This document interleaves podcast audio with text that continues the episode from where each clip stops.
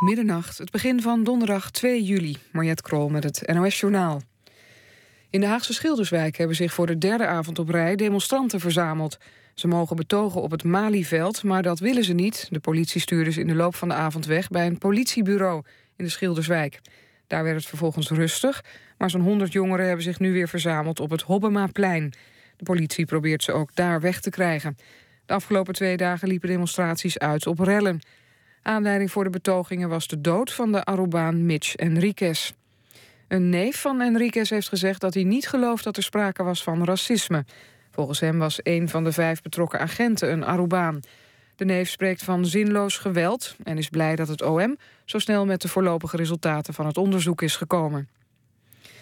Zorgverzekeraars en ziekenhuizen vragen in een brief aan minister Schippers om een fonds voor de financiering van dure geneesmiddelen. De uitgaven voor die medicijnen lopen steeds verder op en ziekenhuizen draaien zelf voor de kosten op als ze hun budget overschrijden. Het fonds moet voorkomen dat ziekenhuizen financieel in de knel komen en patiënten niet altijd de beste behandeling krijgen. Op het WK Beachvolleybal zijn de Nederlandse titelverdedigers uitgeschakeld. In Rotterdam verloren Robert Meeuwse en Alexander Brouwer met 21-19 en 24-22 van de Brazilianen Filo en Filipe. Michiel van Dorsten en Steven van der Velde werden ook uitgeschakeld. Zij verloren van een Mexicaans duo. De laatste twee Nederlanders, Reiner Nummerdor en Christian Varenhorst, kwamen wel verder. Zij bereikten de achtste finales ten koste van een jong Russisch duo. Het weer, het wordt een zwoele, plakkerige nacht met temperaturen rond 20 graden. De komende dag meer bewolking, maar ook opnieuw zonnig en zeer warm, lokaal 36 graden. Later op de dag is er kans op onweer. Ook vrijdag en in het weekend blijft het erg warm. Dit was het NOS Journaal. NPO Radio 1. VPRO. Nooit meer slapen.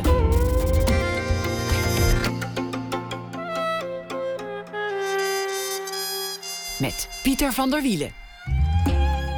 Goedenacht en welkom bij Nooit meer slapen. Terwijl de werken van Banksy bijvoorbeeld miljoenen waard zijn en er niemand nog op het idee zou komen er eentje uit te vegen of over te schilderen, is er in de Nederlandse urban art of muurschilderkunst weinig veranderd. Na ene op bezoek bij Hugo Kaagman die vandaag zijn eigen meesterwerk op last van de gemeente wit stond te kalken. Thomas Herma van Vos die vat de afgelopen dag samen, ook dat na ene. En we gaan op bezoek bij de verfilming van De Helleveeg, het boek van AFTH van der Heijden. We beginnen met Henry van Loon. Sluimer is de naam van de voorstelling. Hij gaat daarbij weer uh, op tournee. Ook zal hij deze zomer op de parade staan, nog in Den Haag en Amsterdam. Samen met Alex Klaassen zullen ze hun eigen zomerhits ten gehore brengen. Henry van Loon is uh, comedian en acteur, geboren in 1982 groeide op in Oorschot, kwam naar Amsterdam voor de toneelschool, werkte al jaren bij Comedy Train onder andere, was in heel veel televisieprogramma's te zien, Kopspijkers onder meer. Speelde ook in een aantal films en de laatste daarvan is de film Boskampies. En die ging afgelopen voorjaar in première. Welkom Henry van Loon. Dankjewel, hallo. Een uh, plakkerige nacht werd ons, goeie, uh, goeie plakkerige nacht werd ons uh, voorspeld. Ja. Je bent normaal iemand die, die, die wakker ligt. Dat is een thema wat je aanraakt in de, in de voorstelling. Ja, ik moet zeggen, uh, ik heb dat gekozen, ja. En het is, um, het is niet zo dat ik echt, een, uh, echt leid aan insomnia... wat ik natuurlijk in de voorstelling wel zo schets. Maar ik ben wel een, uh, wel een moeilijke slaper, ja. Maar ik heb me daar zo langzamerhand wel bij neergelegd, ja.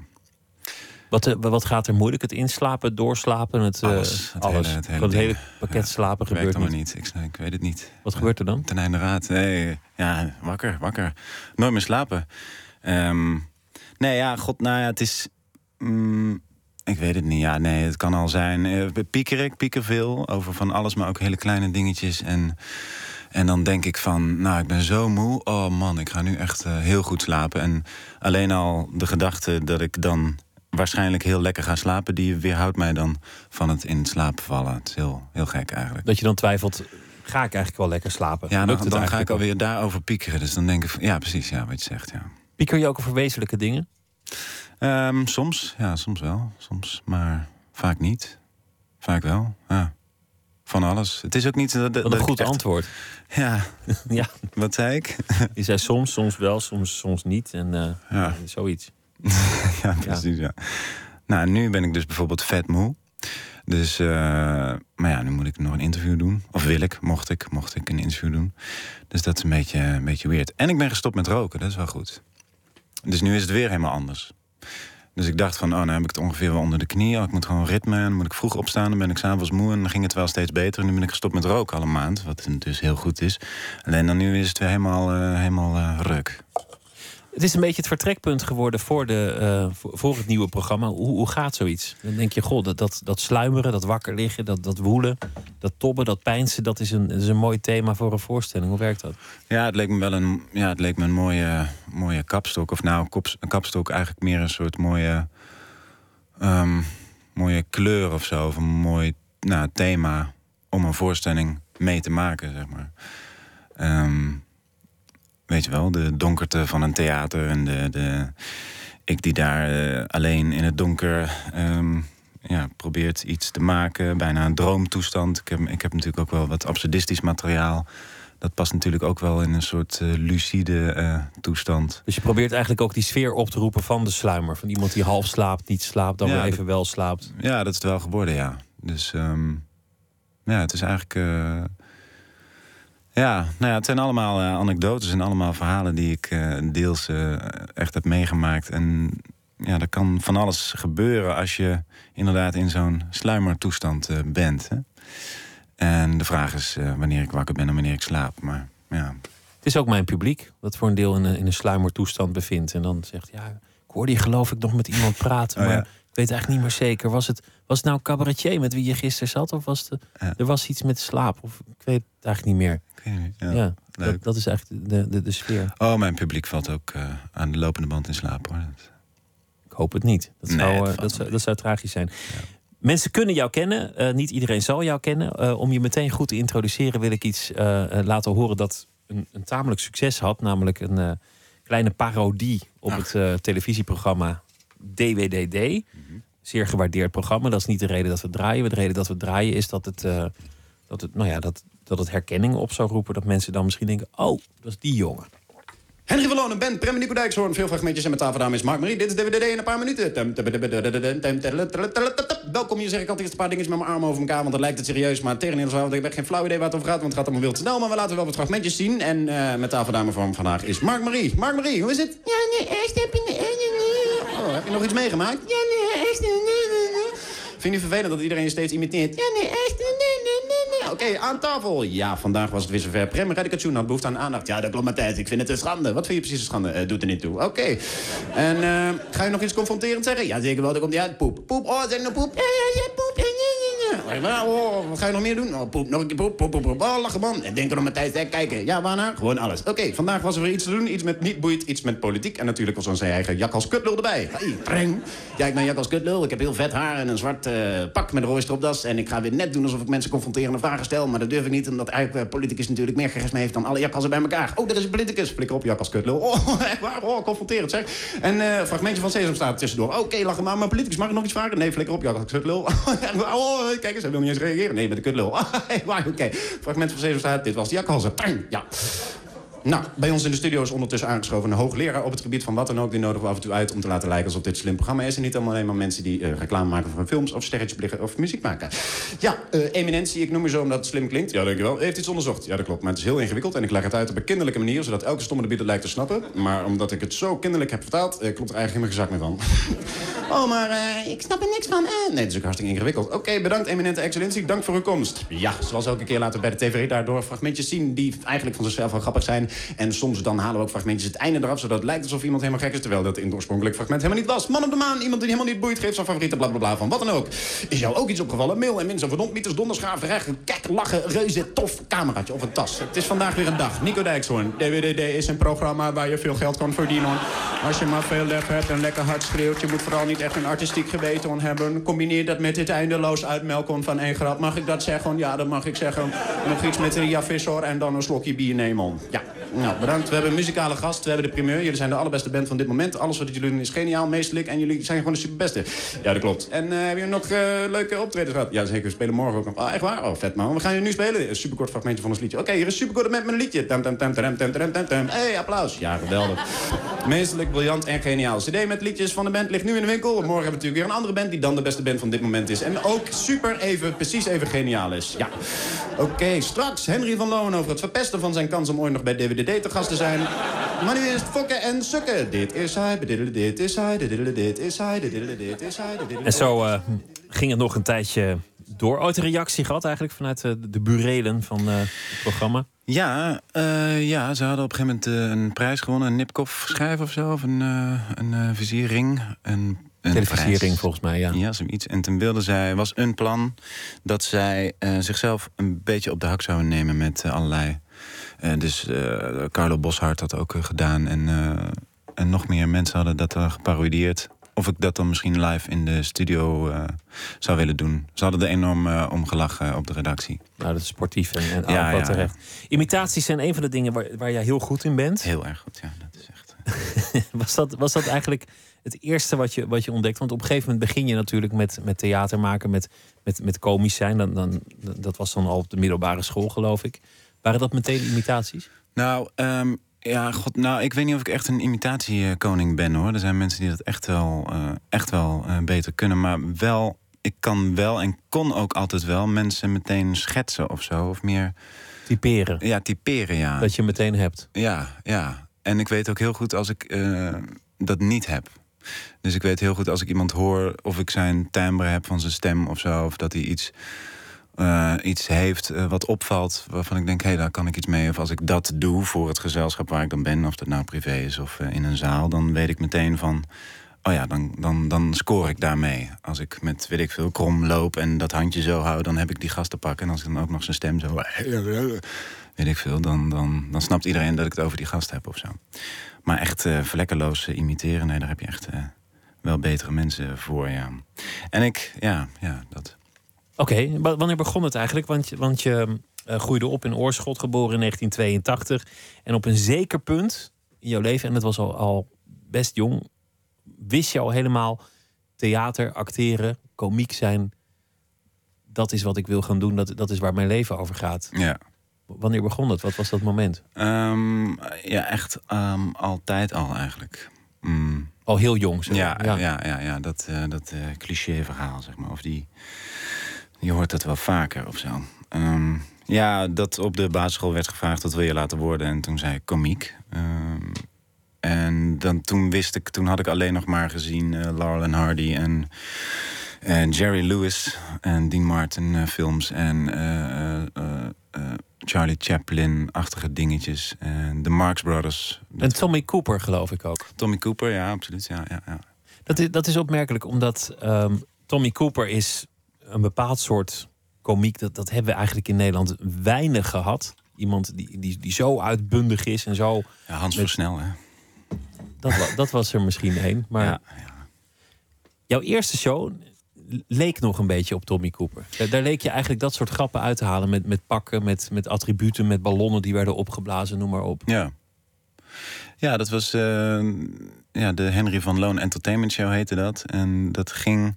Kijk, ehm, heel veel cabaretiers of zo, of comedians... ehm, hun eerste programma eh, gaat altijd over een soort van... eh, of een, een eerste verhaal wat voor, wordt verteld is altijd van... ik kom hier vandaan en nu maak ik mijn eerste eh rassen schreden op het podium... of op, het, op de bühne, zeg maar, en mag ik er zijn of zo. Weet je wel, dat is vaak... Bijna toestemming vragen. Ja, het is bijna een soort van exposé van... kijk eens, dit kan ik allemaal, wel mag ik wel. En, en ja, ik ben een jong iemand die daar vandaan komt... en hier kom ik aan of zo. En dat was voor mij ook dit programma zeker. Ehm, en dat, daar hoorde dus een soort... eh, eh, hoe zeg je dat? Eh, een soort parallel van een, van een, van een goochelaar... die die van het B, B hoe zeg je dat? Het de, van de B-categorie zeg maar naar de nu dan de grote podia van Nederland aandeed. Wat dubbel was, want ik stond natuurlijk alleen maar in kleine zaaltjes. Alleen, En het was, het was ook, heb ik begrepen, iets wat jij als bijbaantje, zomerbaantje hebt gedaan om, om feesten op te luisteren met als steltloper, ballonnenblazer. ja, absoluut. Ja, ja dat was een eh, clown snabbel kindershows en attracties. En eh, dat, is, eh, dat, is, dat bestaat niet meer. Dat is overgenomen door Clown Snoopy Entertainment. Ja, dat is helemaal echt waar. En, en daar had ik toen ik 16, 17 was. En 15 ook al. Toen, eh, ja, openingen, braderieën, dat soort dingen. eh, eh, eh, ging ik ballonnen blazen en eh steltlopen inderdaad. Eh, bij een springkussen als begeleiding staan. eh, dat soort dingen, ja. Laten we luisteren naar een klein stukje Tommy Cooper. ehm, gewoon omdat het leuk is. Cool.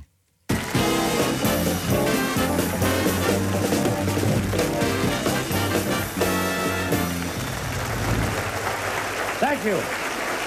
Thank you. Thank you very much. What a lovely audience. Well, I must say you have been a good audience. And I'd like to close now, I may.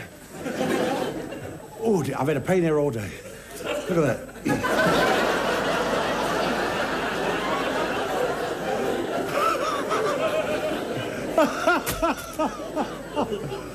oh, is it hot. It's heat that does it. Ah. Echte slapstick was het bij Vlagen. Maar hij was ook iemand die, die, ehm, die, die...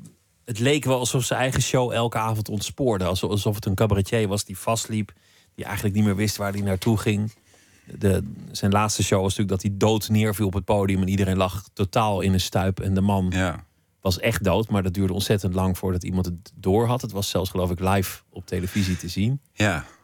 Ik heb toevallig laatst die film gekeken. Er is een Engelse film. En eh, over, zijn, ja, over zijn leven eigenlijk.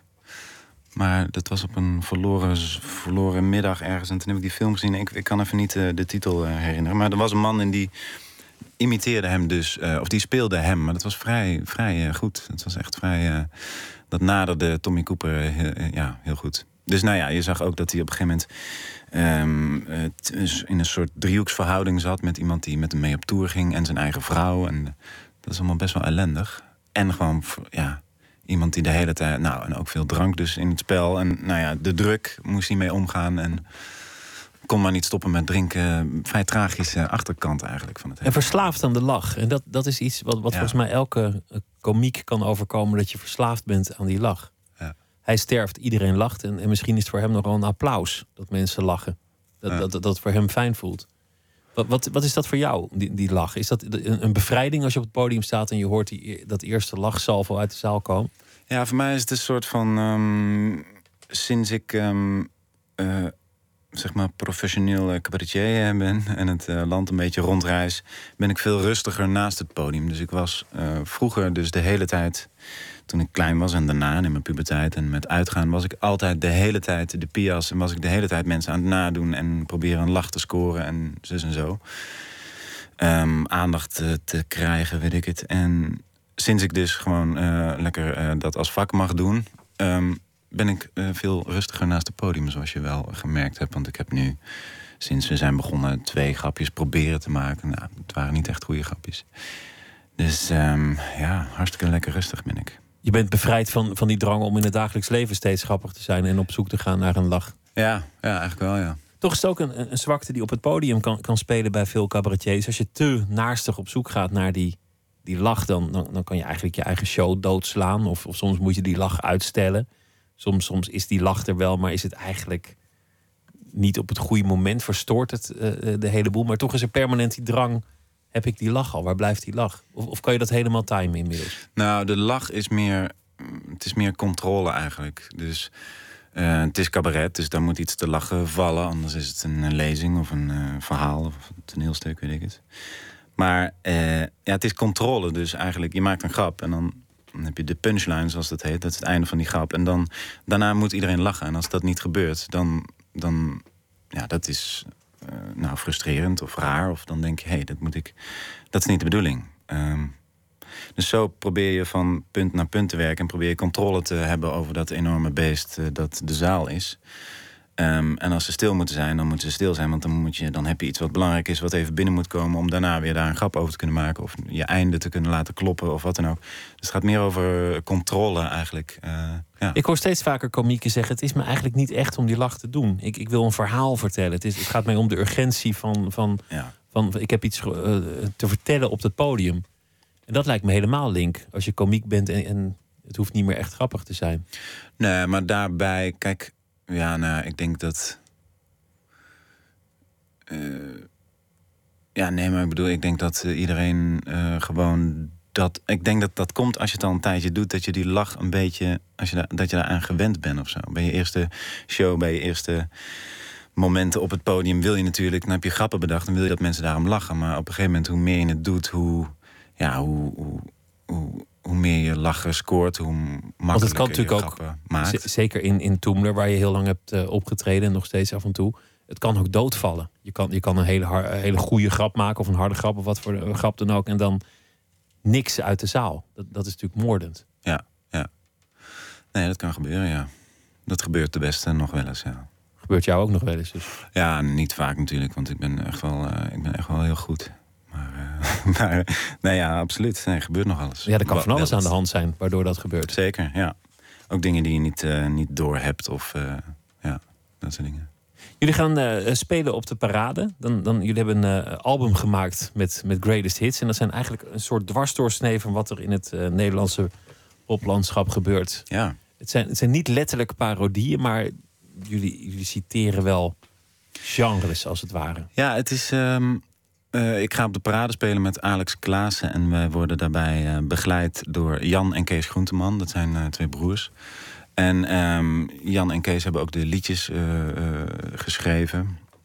Samen met ons. En, het wordt heel leuk. Ja, we zijn hier, H-E-A-R. En dat, is, dat staat voor Henry en Alex Rock. En wij, mensen kunnen ons natuurlijk kennen van onze jarenlange loopbaan binnen de Nederlandse popmuziek. En ehm, ja, dus dat is dat, eh, dat gaan we, die, die, die 30 minuten op de parade gaan we even een opsomming maken van wat we allemaal. eh, ja, een soort greatest hits van de greatest hits. Ja. We gaan luisteren naar een van die eh, stukken. En dat eh, heet Dorp in het Groen.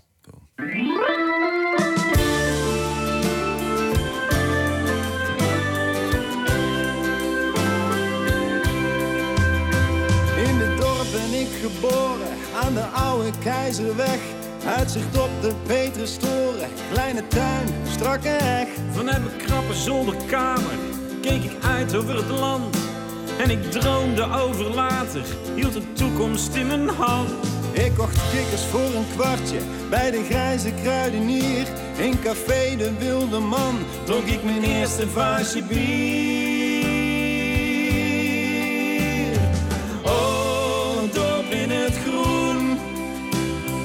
Warm in ieder seizoen. Oh, dorp in het groen, jij bent na al die tijd nog net zo mooi als toen. Lijkt alweer zo lang geleden, Krantenwijk de eerste zoen. Dat we op Sita Brommers met knappe Kim en bolle Koen. Bij de eerste zonnestralen, samen zwemmen in het kanaal. Bij Snackbar Put kroketten halen en natuurlijk carnaval. Ik kocht beuken voor een vijfje bij de grijze kruidenier. Ging in de grote stad studeren, maar ieder weekend was ik hier.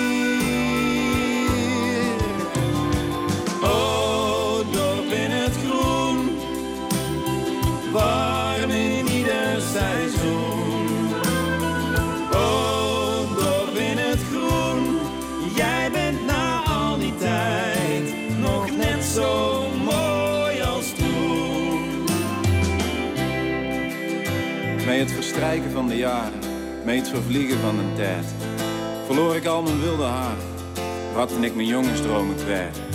Ik ben beroemd, ik ben volwassen. Ik heb aan liefde geen gebrek. Een lieve vriend, een mooie auto, alles wat langzaam op zijn plek. Als ik in de Albert Heijn sta, denk ik aan de kruidenier. Ik heb mijn vleugels uitgeslagen,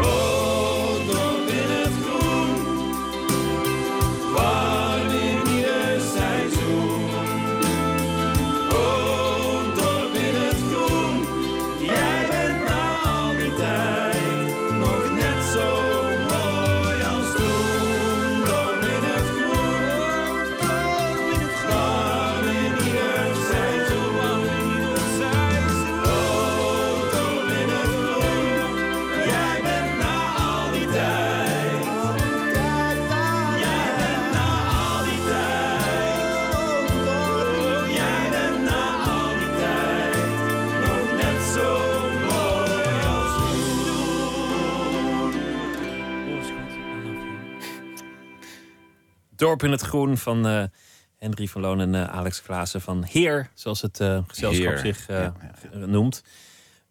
Een, een beetje een parodie, maar, maar ja, er zitten eigenlijk alle, alle fouten van het genre in. Een beetje, een beetje ranzige harmonie, een tekst die net te lang is, een paar clichés die langskomen. En toch, toch komt het eigenlijk ook nog wel weer over. Ja, hè? ja dat, is de, dat is de. Kijk, dit is, dit is allemaal van de CD. In de voorstelling kunnen we het nog een beetje vetter maken als we dat willen. Ehm, volgende week zijn we op, eh, op de parade te zien in Den Haag. En eh, dus dat is heel spannend. We moeten er nog wel eh, wat aan doen. En, maar wat zo fascinerend is, dat een. Ik weet niet, wanneer is iets hoge kunst en wanneer is iets lage kunst of highbrow of lowbrow? Een tekst van John Eubank is zogenaamd. Nou, die zitten. Ja, ja, het is heel fascinerend. Want Ik denk Ja. dat echt, echt om, om goed te zijn moet iets ook een zeker element van kitsch in zich hebben. Ander- Anders heeft het, heeft het toch geen verleiding op de een of andere ja, manier. misschien wel, ja, ja, ja. Ja, wat is kitsch? Wanneer is, vooral bij muziek, wanneer is iets kitsch, weet je wel? Ik bedoel, ik weet het niet. Ja, het is, eh, en, Maar het goed, is dit- eigenlijk een vraag. ja. Het is Alex ook, Alex en ik hadden het erover. Van wat zeg je dan als je ergens, te, mochten we ergens uitgenodigd zijn om hier, dit hierover te hebben, wat ga je dan zeggen? Ik zeg, nou ja, dat we de vraag stellen of zo. Als we al iets aan de kaak stellen, want het is maar een half uur op te praten. Het is voornamelijk gewoon ontzettend tof eh, om te doen en eh, leuk om naar te kijken en lekker eh, om, om mee te zingen. Maar goed, om Maar- een parodie, ik noem het toch maar een parodie, te laten werken, moet je het eigenlijk ook heel goed doorzien wat het, wat het genre maakt. Anders, anders maak je gewoon lelijke muziek of maak je het gewoon slechter dan. Er staat ook een, een, een Borsato-achtig nummer op. Ja. Je, je moet het heel goed begrijpen. Jij bent ook iemand die, die, die veel close harmony zingt. Hè? Je, je zit vaak in, in zanggroepen en, en dat- is iets wat je ook echt met plezier doet. Nou, zanggroepen, wij hebben een. eh, ik heb met vrienden een, close harmony groepje. En dat is eh, Stanley en de Menzo's. En eh, ja, daarmee hebben we op, op Lowlands opgetreden. En nu laatst ook weer op Oerol. En, maar we hebben ook huwelijksaanzoeken gedaan. En, en het is met Jeroen eh Woe, Niels van der Laan, Martijn Hilenius en Steve Hupkes. En het is gewoon eigenlijk een vriendenclub. En als wij een, een aanvraag binnenkrijgen, dan gaan we. Maar we kunnen bijna nooit. Dus, eh, maar als we wel kunnen, dan gaan we gewoon. En dan gaan we zingen, een half uurtje of eh, een En dan, dan zingen jullie eigenlijk best goed. Dus, dus dan, daarom is het voor jullie ook extra grappig om, om nu, nu die, die, dat koortje een beetje vies te maken. Dat eigenlijk niet helemaal, helemaal lekker zit. Deze, ja, nee, Ja. dat moest allemaal heel snel. En, en het is ook wel... eh, kijk, anders, dat is ook het dubbele. We gingen geen hele goede cd maken. Dat is niet de bedoeling, want dan... Is het niet meer grappig? Ja, dan is het Henry en Alex die willen graag een cd... Een hele goede cd maken of zo. Dan hadden we het wel anders aangepakt. Het moet wel een beetje die feel van de voorstelling hebben. Dus het is overal een beetje... Net een beetje naar. Misschien, eh, die andere nummers zijn ook nog eh, heel goed. Hij is vanaf vandaag te luisteren op Spotify trouwens. Hier. En de plaat heet Neuken is voor meisjes. Neuken is voor meisjes, Ja, dat, hoor. is dan, Ja, dat is dan ook de hit. Ja. Dorp in het Groen, je, je bent zelf eh, op een zeker ogenblik naar Amsterdam gegaan, maar in veel van jouw grappen en veel van jouw eh, shows zit eigenlijk wel het thema van, een- van een Brabander die zich moet redden in de grote stad. Het is wel een van jouw thema's.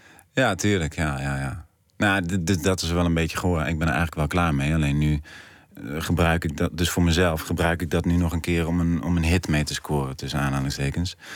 Maar het was heel lang. Omdat het een gevoel is wat iedereen herkent. Dus dan ga ik daar nu nog eens extra even. En Alex en ik komen allebei het oorschot. Alleen Alex die is daar op zijn vierde weggaan, dus die weet er helemaal niks meer van. Maar dat gebruiken we. Dat is een soort eh, middel om, ik weet niet, gevoel op te wekken of zo. En het werkt, denk ik. Ik denk dat de Oorschotse mens, en mijn ouders onder andere, die vonden dat gewoon een prachtig nummer. Ik denk niet. Dus dat is ook de vraag van waarom zou het ironisch opgevat eh, moeten worden? Het is gewoon een mooi nummer, toch? Misschien vinden mensen het ook wel gewoon mooi. Ja, het, is denk ik ja. een, be- een beetje van, van allebei. Nou ja, de smaak. Dus dat, sorry, maak nog heel even mijn ding af, want dan heb ik het gezegd. Dus wat we met de voorstelling willen doen, is niet per se iets parodiëren of laten zien, maar meer de vraag stellen van wat is nou eh, mooie muziek, wanneer is iets kitsch en ja.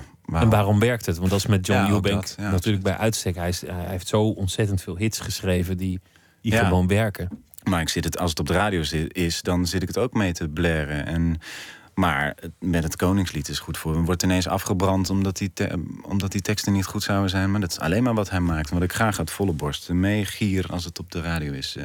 En ik ben alleen in de, in de auto. Ik- Ja, daar kon hij niks aan doen. Als ze hem niet moeten vragen. Als, bedoel, als, als, je, Nee, als, je, ja. als je iets heel plechtigs wil, dan moet je een heel plechtige componist vragen. Dat, eh, dat was natuurlijk een beetje getut.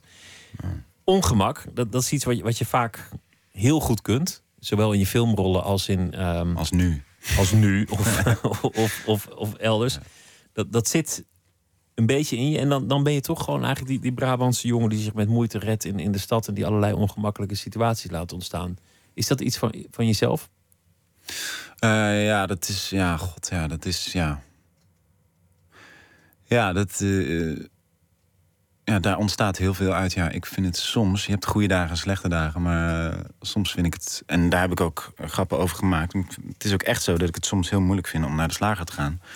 En dat ik eh, vaak liever niet ga. Omdat ik denk, dan moet ik weer helemaal zeggen dat ik een, een bruin pistoletje wil met boter. En warme geelworst. Anders krijg ik koude geelworst. Naturel. Anders krijg ik met kaas. Heb ik ook Ik heb het, eh, het, het stuk uit je show waarin je Ja. exact dat beschrijft. Ehm, Dan val ik door de mand. Klaarstaan. Hier gaat hij. Dus meer optreedpak, dat werkt. Kleding werkt heel erg goed voor mij. Ik kan dus ook niet als mezelf... Laten we even verlegen Brabantse jongen noemen. Ik kom uit Brabant. Ik kan niet als mezelf naar de slager. Zeker niet hier in Amsterdam, waar het zo lekker druk is... en iedereen zo lekker mondig is. Ehm, mijn slaagster, jongen, dat gaat helemaal mis. Dat is er zo een van... Hey, gezellig allemaal, nou leuk is, schatje, ah." Dat is... Ik heb het wel geprobeerd, natuurlijk. Dan kom ik als mezelf kom ik aan bij de slager... en dan zeg ik... eh, zo, nou, wel honger. Eh, hallo, eh, slaagster. Maar ben, ik al aan de beurt of niet? Wel, wel aan de beurt. Oké. Eh, mag ik, ik wou een broodje warme grillworst met eh, naturel. Met honing, mosterd, saus en boter. Niet te veel en op een bruin pistoletje. Oh, nou gezellig, ben je weer in de oude Ik ga goed over daar. Ja, ja, nee, natuurlijk. Oké, nou gaan we hier naartoe met die oude witte oude zeggen die opnieuw. Met een ik nou? Ja, nee, doe maar. Als ik maar snel mogelijk weer weg kan. ik, voel me niet goed. Oh, nou gezellig, dan gaan we met die oude Nou, doe oude Alsjeblieft, schatje. En dan ga ik gewoon stevast naar huis met zo'n baguette vol met pekelvlees. En ik weet niet...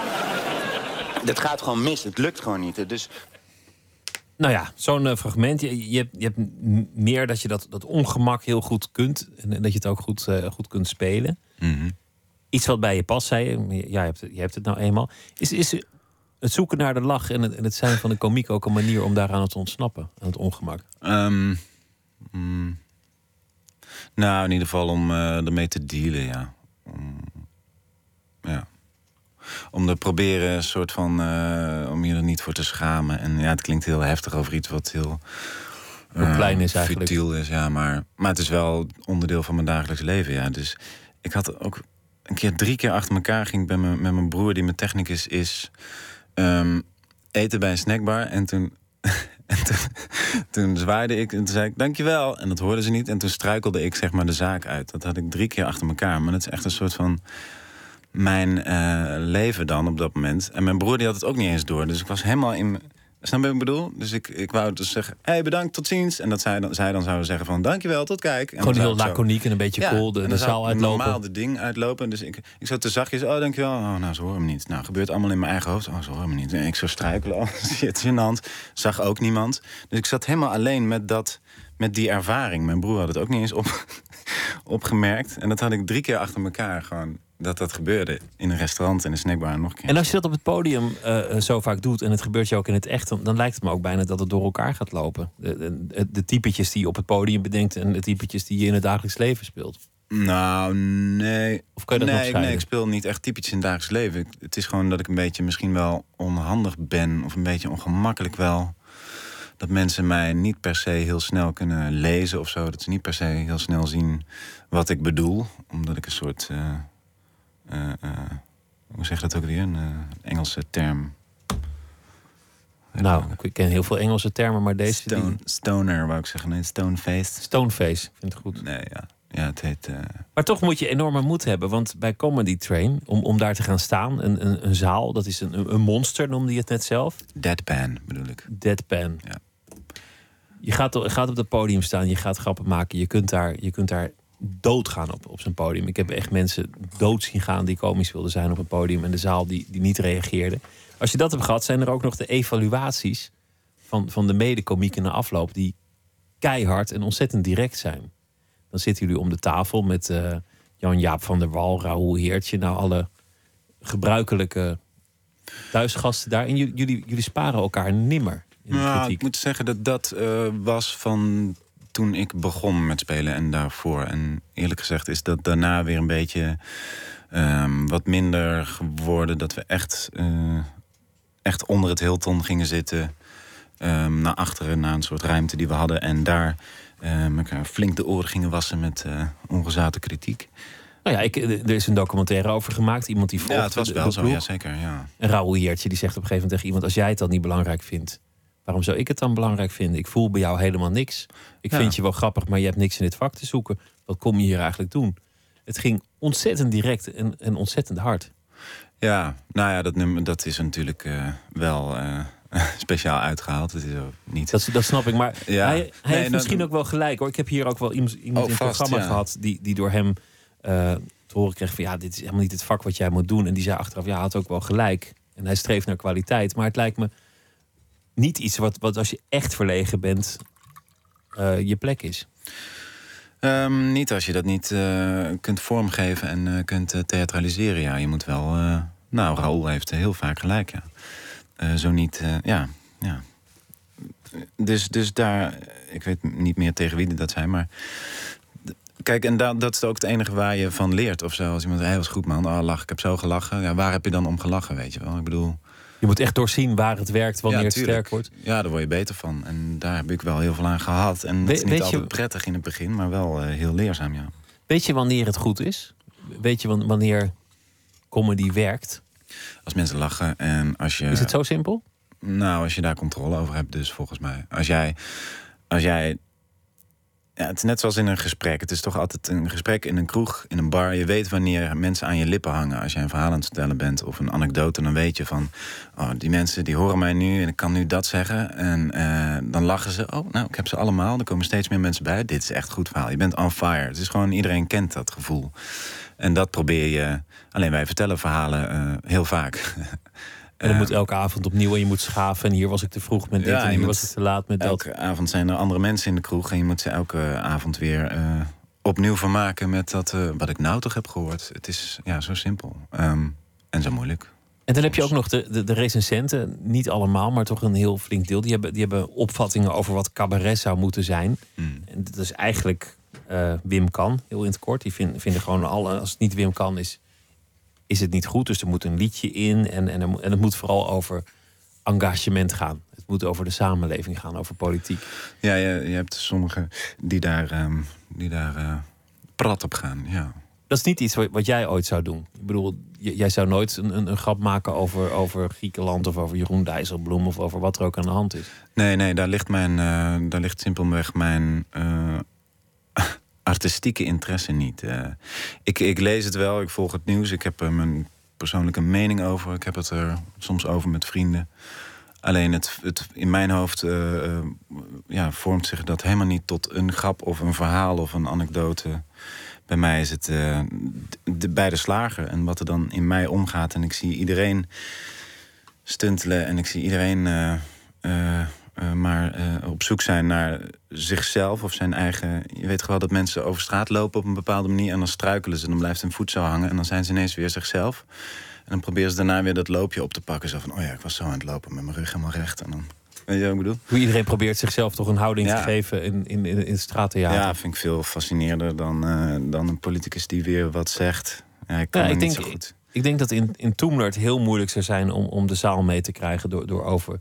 Het is, het is een avond uit. Ik bedoel, als je dan over Griekenland en Europa zou beginnen. ik denk als- dat het heel moeilijk zou worden om die zaal mee te krijgen. Nou, wat, wat, wat bij in de zaal, bij, bij cabaret sowieso ehm, wel aan de hand is, maar bij, wat bij Comedy Train altijd in Toemler onder het Hilton altijd heel goed en snel boven komt drijven, is of het, of het klopt, of iemand het daarover moet hebben. Dus eh, een ander die heeft wel, wel echt iets te schaften met eh de Als je politiek. echt opwint, als het je echt Ja. kwaad maakt, als, Ja. het, als het echt uit jou komt, dat Ja. is wat de zaal voelt. De zaal ja, dan voelt kan het je smaak niet zijn. Van je, of je hebt zelf het nieuws niet gevolgd of wat dan ook. Of je hebt niks met de slager of dat iemand struikelt op straat. Maar toch voel je altijd, hetzelfde geldt voor muziek en bij andere vormen van eh, kunst. Ehm, je voelt het wanneer het aan de hand is, wanneer het echt is. Maar dat geldt voor alles, dus dat maakt het ook zo meedogenloos. Ik bedoel, je valt gewoon door de mand. Die zaal die ruikt als een valse hond van, van hij heeft angst, want het klopt niet. Ja, maar het maakt wel heel leuk om het dan toch te kunnen spelen. Want Dat is dan de niet- overwinning. ja, ja, ik ben natuurlijk niet elke avond eh, verwonderd over, eh, weet ik veel, wat, wat ik heb gezien. Dus om dat te benaderen en om door je... Godsamme, wat heb ik toch hoogdravende taal af en toe. Maar om door, je, door middel van je spel toch bij je eh, aanvankelijke gevoel of je aanvankelijke fascinatie eh, in de buurt te komen, dat is natuurlijk de uitdaging of zo. Want ik ga straks weer een tweede seizoen in en ik slaap ondertussen alweer een stuk beter, weet je wel. Ik lig niet meer elke dag wakker. Dus Maar toch is het een grap die alleen jij zou kunnen maken omdat het iets over jou zegt. Om- Omdat het, persoon, het, het heeft voor jou urgentie. ja, ja, absoluut. Ja. Je zit ook in, in eh, films, zo nu en dan. Eh, Afgelopen voorjaar was het een, een film voor eh, kinderen, denk ik. Ja, was een beetje een vroeg tienerfilm, ver- vermoed Ja. ik, als het over leeftijd hebben. Kinderen en hele domme volwassenen.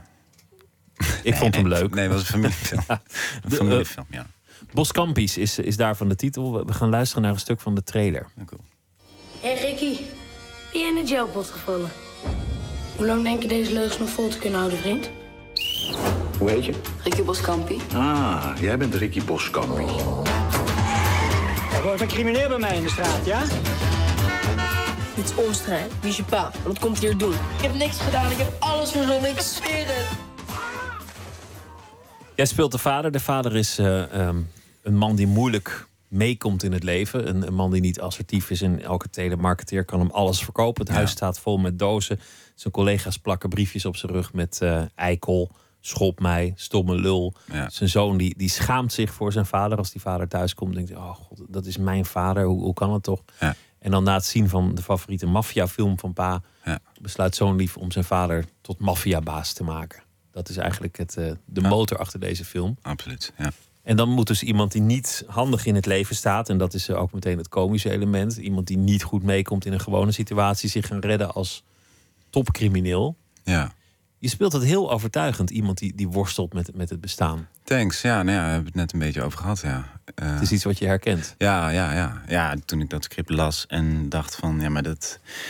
Hè, zoals je wel eens voelt van... eh, dat is me op het lijf geschreven of zo. Ik moet die rol gaan doen. En eh, met de regisseur Arne Tonen wilde ik eh, sowieso ook al een keer graag werken. Dus dat was Match Made in Heaven. Nee, maar dat, ja... Dus die, ja, die ongemakkelijkheid. En het leuke is ook, het komische is ook dat veel buiten hem om gebeurt. Dus die zoon die, die zet dat hele ding op. En die zorgt ervoor dat ze in een andere stad komen te wonen. En die zorgt ervoor dat zijn normale kleding weggaat en zijn jaren zeventig kleding overblijft. Zodat hij eruit ziet als een gangster. En het overkomt die, die vader allemaal. En dat hij in zo'n auto rijdt en dat iedereen bang voor hem wordt. En dat mensen gaan roddelen van er liggen drugs in de kelder. En, en, en dat hij een, een soort tegenstrever krijgt. En dat is René van het Hof, een, een, een acteur die eigenlijk ook altijd iemand speelt die, die worstelt in het leven, die moeilijk zich kan uiten, die, die totaal in paniek raakt van sociale situaties.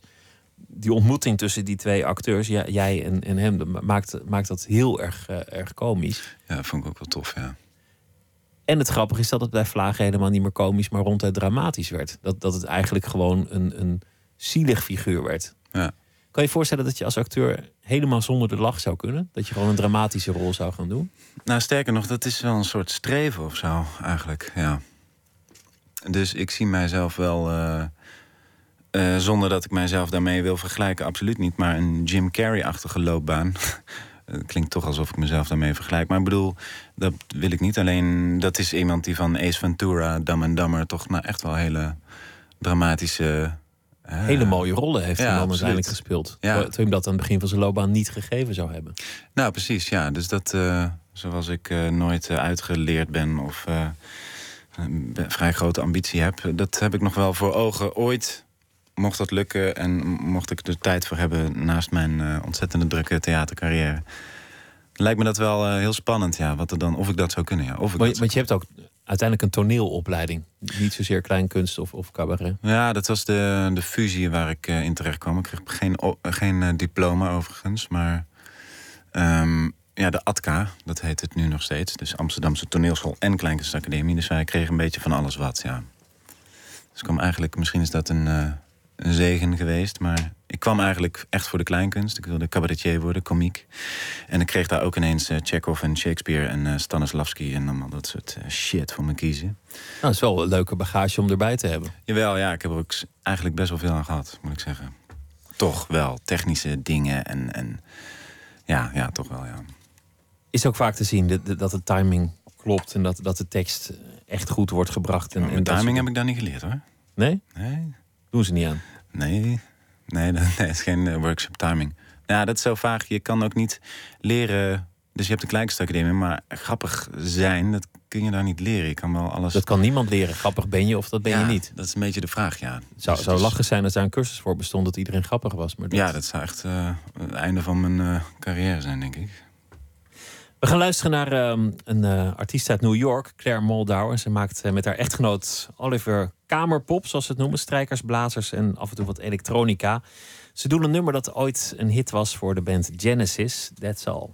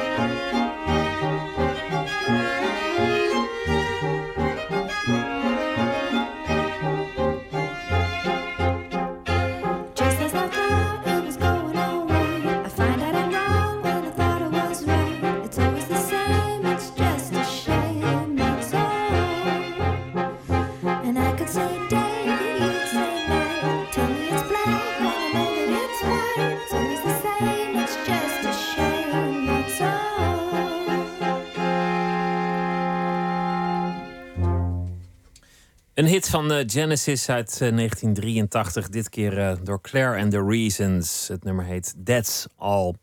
Nooit meer slapen in gesprek met Henry eh, van Loon. We hebben het gehad over eh, slapeloosheid. Daar begonnen we mee. Zij het valt eigenlijk tegenwoordig gewoon mee. Maar het eh, s s'nachts in zo'n, zoals aangekondigd, plakkerige nacht... begint het eh, piekeren, het, eh, het tobben. Ook over kleine dingen. Kan ik de slaap wel vatten? Zal, het- zal het wel lukken? Ja. En eh, zo kwamen we te spreken over eh, wat het is om een komiek te zijn. Het, het, het publiek temmen. Dat is eigenlijk de lach waar je naar zoekt. Dat je controle hebt over de situatie. Mensen voelen het, of het klopt. Je kunt wel over politiek beginnen, maar als mensen voelen dat jij je er helemaal niet over opwint, dan, dan zal dat misgaan. Mensen moeten voelen dat het dicht bij je zit. Maar toch acteer je, omdat je zo'n show keer op keer opnieuw doet. Je zei, ik heb ook de klassieken meegekregen. En eigenlijk was dat een ambitie die je die doorschemeren. Misschien als Jim Carrey uiteindelijk een dramatische rol. Hmm. Een, een echte rol. Maar wat jou fascineert is vooral het ongemak op straat. Iemand die struikelt. Iemand die, die probeert zijn houding hoog te houden. En dat, dat gevoel van herkenning roep je op. Of probeer je op te roepen bij je, bij je publiek. Ja. En, en daar ben je dan, dan nu gegroeid.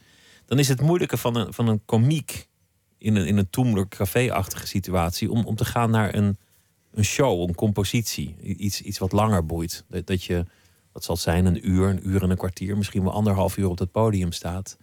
en mensen boeit, dat ding in elkaar vallen. Mhm. Is dat iets wat je moeilijk hebt gevonden om, om die stap te maken?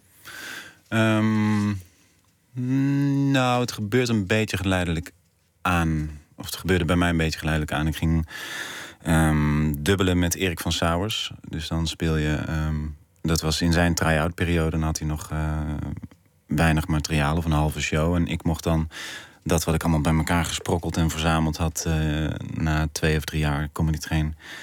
mocht ik dan achter elkaar zetten. En dan had ik, nou, wat was het, eh, eh, 20 minuten, een half uur, soms drie kwartier. Of nou, dat ging dan naar drie kwartier. En dan, dus dan had ik een aantal keer drie kwartier gespeeld, dan voel je dat. En dan zijn er een aantal gelegenheden dat je een keer eh, een uur ergens mag try-outen. En zo ga je daar een beetje naartoe werken of zo. En ik moet ook wel zeggen dat toen je... naar de langere boog eigenlijk. Ja hoor, ja, ja, ja. En op een gegeven moment is nu... ehm, en op een gegeven moment draait het ook om. Dus nu kom ik in Toemler nog wel eens. Nog regelmatig kom ik daar aan. En dan, als ik dan speel, dan heb ik net twee grappen gemaakt. En ik begin mijn eerste verhaal. En dan is het kwartier alweer voorbij, voor mijn gevoel, weet je wel. Dus eh, je denkt op, heel andere, op een hele andere manier. En vroeger dacht ik van... oh, als ik die 15, 20 grappen maar haal binnen het kwartier... Of als het dan maar een kwartier is, bedoel ik, weet je wel. Want anders heb ik niks meer. En nu heb je, ja, kom je op en eh, je de mensen hebt gegroet... en je hebt je eerste verhaal ingezet, dan is het alweer voorbij. Dus dat, ehm, dus dat gaat vrij snel. Je gaat meer ruimte nemen en meer, eh, ehm, ja, meer tijd voor je verhalen nemen. En ja, dat is wel... Ja. Wordt het, wat is het moeilijkste moment? Want nu, nu ga je eigenlijk de, de, de tweede tak van je, van je tour doen met, met Sluimer. Ja. Je hebt het begin, dan moet je er misschien nog in komen. Maar, maar nu moet je elke avond daar staan en weer een grap maken en weer een grap. En, en, en Ja, ik vind het heel erg eh, fijn. Dus ik ga nu de reprise doen van mijn eh, voorstelling inderdaad eh, vanaf september. Bij een theater bij u in de buurt. Uurt, uurt. En ehm, dan ga ik... ja, ik vind het wel lekker hoor. Als ik, dan zal ik wel een paar voorstellingen moeten hebben om er weer even in te komen misschien. Alleen daarna, je, je krijgt steeds meer grip en steeds meer... Het is toch een soort muziekstuk of zo. Muziekstok. je krijgt het in de vingers. Het, het, het gaat steeds ja. beter. Ja, en steeds meer. En steeds elke seconde en elke dingetje. En dan heb je op een gegeven moment anderhalf uur die je helemaal uit je hoofd kan spelen. Of weet ik veel. En een soort parallel met, eh, met een muzikant. Je hoeft En, die- en het, lukt gewoon, het lukt gewoon om die grap nog een keer te maken en nog een keer. En, en... Ja, ja, ja, zeker. Ja. Nou, hetzelfde nogmaals geldt voor, de, voor het gesprek in de kroeg. Als jij één keer een weet ik veel, vakantieverhaal vertelt... dan denk je, ah shit, dat moet ik de volgende keer beter doen. Want dan lachen ze wel om, eh, om de, dat ik de rekening niet betaald had. Weet ik veel wat voor eh, anekdote. En dan ga je dat nog een keer vertellen. En dan eh, denk je, ah, pam, en dan lachen ze wel, weet je wel. Dat is het, eh, dat is het leuke eraan. Iedereen kent eh, die gevoelens volgens mij die ik heb. Alleen, het is En is elke zaal hetzelfde? Mm, ja, nou, ja, op zich, eh, ja, ja, zeker wel. Grotendeels, ja. Toch komt er bij veel cabaretiers een moment dat, dat, dat, dat de stress toeslaat, dat ze opdrogen, dat ze te snel zijn gegaan, of dat ze ineens geen grappen meer hebben, of dat ze naar het blaadje kijken, ik moet een show gaan typen. En, en, en dat dat blaadje ook je vijand is geworden. Is dat iets wat jij je kan voorstellen? Ja, wat kan ik me voorstellen? Dat, dat, dat het er niet meer is, dat je denkt, goh, ik, ik bedoel, vergt het veel van je om, om, om die grappen op papier te krijgen, om zo'n show te maken? Is dat een druk die je voelt? Nou ja, die god, nou, het valt ook allemaal wel mee hoor, eh, uiteindelijk. Maar je bent er wel, ik ben nu al bezig met de volgende show. Terwijl dat gaat dan gebeuren in eh, september, dus over anderhalf jaar. Die Daar termijnen zijn heel lang, hè? Ja, nou ja, het wordt eh, inderdaad, de, de boekjes, de theatergidsen worden gedrukt. En dat moet nu, zodat mensen weten wat er in mei volgend jaar in het theater te doen is. Op zich kan dat allemaal. Maar dat zorgt er ook voor dat ik eh, weet wat ik volgend jaar mei en eh, februari allemaal al doe. Wat op zich ook fijn is. Ehm, ja, en dan moet ik weer gaan schrijven. En dan september volgend jaar, eh, dus niet nu september, maar het jaar erop... dan ga ik weer een nieuwe show maken. En ik heb daar nu al ideeën voor. Dus dat is eigenlijk alleen maar leuk. Maar om aan te geven dat je dus nooit ehm, daarmee klaar bent of zo. Je kunt het niet makkelijk uitzetten. Dus je kunt wel Dat blijft minder- gewoon komen, dat elke dag opnieuw. ja, je bent minder ontvankelijk of zo op bepaalde ogenblikken. Voor inspiratie of grappen of verhalen of zo. Maar je zult toch altijd wel die beetje beschouwende rol hebben of zo. Weet je wel, in het leven en in het dagelijks leven. Dat zit nou eenmaal, dat is gewoon je vak of zo. Je, je kijkt ook anders als je in het café zit of, of op straat loopt. Nou ja, en- zoals een politie of een brandweerman altijd eh, Rook ruikt. Ja, Ja. zal denken van god, is dat eigenlijk wel eh, brandveilig, die, eh, die dingen. Het, is- ja, het is gewoon beroepsdeformatie dat je altijd een soort van beschouwend zal eh, zijn. Dus dat is ook niet erg. En het feit dat je opgedroogd raakt, ja, god, dat, eh, misschien komt dat dan. Ja, nou, wat dat ik wel, dan wel weer, toch? Ja. Wat ik wel fascinerend vind, is wel. Soms hoor je van mensen, god, die doet al jarenlang hetzelfde of zo. Hè, van sommige wat, eh, wat oud-gedienden. Alleen dan vraag ik me altijd af van wat had je dan verwacht of zo? Dat hij ineens. Nou ja, zelf, zelf had je wel een soort, doen of- een soort voorland van het moet langzaam naar de dramatische rol toe gaan. Ik, ik wil dit nu doen, maar als een Jim Carrey uiteindelijk toegroeien naar, dan moet het echt, echt pijn gaan doen. Ja, maar kijk, mijn, mijn, mijn fascinatie, dat merk ik nu al eh, in die drie programma's die ik heb gemaakt. Mijn fascinatie of mijn motor, dat is altijd dus, waar we het net over hadden, is altijd de, de menselijk ongemak of. eh, De gêne. Ja, eh, weet je wel, sociale situaties, sociale regels. Dat is een beetje waar het bij mij allemaal vandaan komt. Ja, op een gegeven moment heb ik dat allemaal al wel behandeld, denk ik. Ehm, dan heb ik ook nog wel wat absurdistische verhalen waar ik nog steeds heel. eh, eh, dat ik bij de Navy SEALs heb gezeten, bijvoorbeeld. Dat is natuurlijk niet echt waar. Mensen denken dat wel, is niet waar. En, ehm, en, dat was een hele absurde sketch over, over een totaal misgegaande operatie. En iemand die dat dan vertelt en er was een verrader. En Ja. eigenlijk was hij het zelf en misschien ook weer niet. En, en dat... Ja, ja, ja, ja, het is wel grappig. Ja. Dus dat heb, ik, eh, dat heb ik nog wel. Alleen, ja, verder, ik ga hem. Ja, dat, dat zei iemand met wie, ik, eh, eh, met wie ik schrijf, tenminste die mijn klankbord is. En, en beste vriend Rick van den Bos, toneelschrijver. Die zei van ja, ga er maar van uit dat jij de rest van je leven dezelfde verhalen zult gaan vertellen en dezelfde thematiek. Dat is gewoon jouw thema geworden. ja, ja. Nou ja, kennelijk ja. Dat en typeringen, wat ook altijd al zo geweest is. Het kan bijna niet anders dan dat over 10, 20 jaar, weet ik veel. Dat mensen zeggen, ja, Henry Verloon doet altijd hetzelfde. En eh, dat zeggen sommige mensen nu al. Eh, Misschien geldt het eigenlijk wel voor alle, alle cabaretiers. Je Ja, vindt je tuurlijk, stijl, ja. je vindt je stem. En, en dan, dan blijf je in dat genre Ja, tuurlijk. Maar je, ja, je bent, het is een groot eh, onderzoek naar jezelf, je eigen stem en je eigen. Wie ben ik? Waar, waar zit mijn pijn? Waar zit mijn Ja. eh, ambitie? Ja, in, je, in het begin is het je plek op het podium of je plek eh, binnen het eh, bestel, zeg maar. En dan wordt het, ja, wie, wie, ja, ja wat, vind ik, wat vind ik van de dingen? Wie, wie ben ik? En daar moet je steeds verder in gaan. Het moet ook, ook pijn doen bij jezelf om, om het goed te laten zijn. Althans, ik vind, ik vind dat jij vaak in je programma's jezelf in, in die zin helemaal niet spaart. Je zet niet jezelf een beetje voor lul, maar je probeert in die verhalen het echt, echt radicaal te maken. Nou ja, ja, god. Ja. Nee, het moet eh, stroken met eh, wat, je, wat je voelt op dat moment, ja. Ga je ook nog een nieuwe film maken of is het voorlopig alleen maar spelen? Want, want ik kan me voorstellen dat je na de laatste paar rollen daar inmiddels ook wel vaker voor gevraagd wordt. Eh, ja, ik heb de luxe dat ik, ehm, dat ik niet thuis op de bank zit te wachten tot ik weer een volgende klus aangeboden krijg. Dus ik, ik mag daar. Ja, het Je altijd- kunt kiezen van dit Ja, wordt nou, leuk, dit wordt kiezen, niet ja, leuk. God.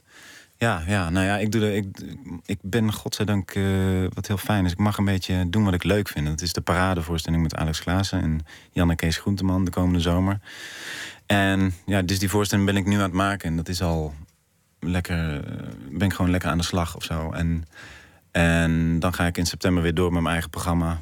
Ondertussen ben ik over allerlei dingetjes aan het nadenken en ideetjes en Alvast voor 2016, ja, precies. 2017. Dus, en eh, dat, ehm, en dat, eh, ja, dat kan ik zo doen. Dus ik, ik eh, wacht wat er op mijn pad komt, ja.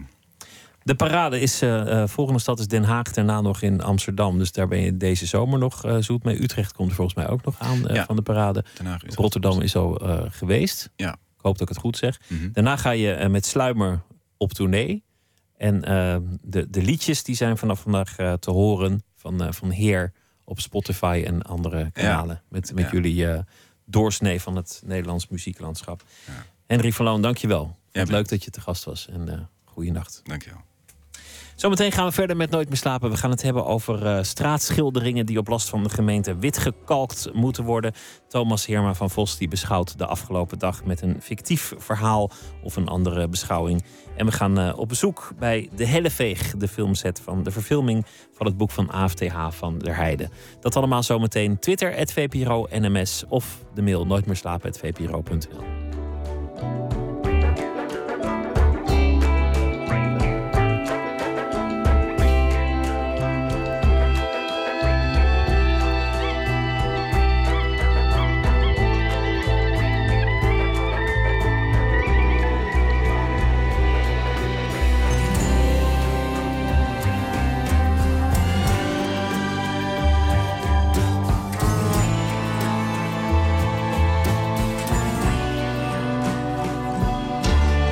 Radio 1.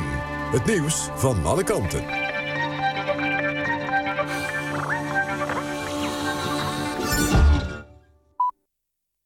1 uur, Mariette Krol met het NOS Journaal. Het is opnieuw onrustig in de Schilderswijk. Ongeveer 100 jongeren hebben zich op het Hobbemaplein in de Haagse wijk... en de straten daaromheen verzameld. Ze steken vuurwerk af en gooien met stenen en flessen naar de politie. De ME voert charges uit en de sfeer is grimmig. Een aantal mensen is opgepakt, hoeveel is niet bekend. Aanleiding voor het protest is de dood van een Arubaan... in het Haagse Zuiderpark afgelopen weekend... Hij overleed door zuurstofgebrek na een wurggreep van politieagenten. De eerste acht Britse slachtoffers van de aanslag op een strand in Tunesië zijn teruggekeerd in Engeland. Ze kwamen met een militair vliegtuig aan op een luchtmachtbasis bij Londen. Daar was een ceremonie waarbij militairen de kisten naar klaarstaande lijkwagens droegen. Onder de acht slachtoffers waren drie mensen uit één familie. De vorming van één nationaal politiekorps gaat drie jaar langer duren en 230 miljoen euro meer kosten. Volgens Nieuwsuur staat dat in een nog vertrouwelijke nota van minister Van der Steur. Sinds 2013 wordt al gewerkt aan het omvormen van de 26 politieregio's tot één nationale politie. Maar dat heeft geleid tot te weinig ruimte voor maatwerk, constateert de minister. Ook is er veel onrust onder het personeel. Het was de bedoeling dat de politiereorganisatie in twee jaar afgerond zou zijn. Dat wordt nu in ieder geval vijf jaar. De provincie Gelderland heeft de afgelopen dag strooiwagens ingezet op verschillende provinciale wegen. Die hebben onlangs een nieuwe laag asfalt gekregen, maar die is niet bestand tegen de tropische temperaturen. Daardoor ontstaan zwarte plassen op het wegdek. Door zout en pekel op de plekken te strooien worden ze minder vloeibaar en plakkerig. Ook op andere wegen waren problemen, waarschijnlijk door de hitte. Zo was de A1 richting Amsterdam bij Muiden een tijd dicht... omdat de vechtbrug niet meer goed wilde sluiten. Het weer het wordt een zwoele, plakkerige nacht rond 20 graden. De komende dag meer bewolking, maar ook opnieuw zonnig en zeer warm. Lokaal 36 graden. Later op de dag is er kans op onweer. Dit was het NOS Journaal. NPO Radio 1. VPRO. Slapen.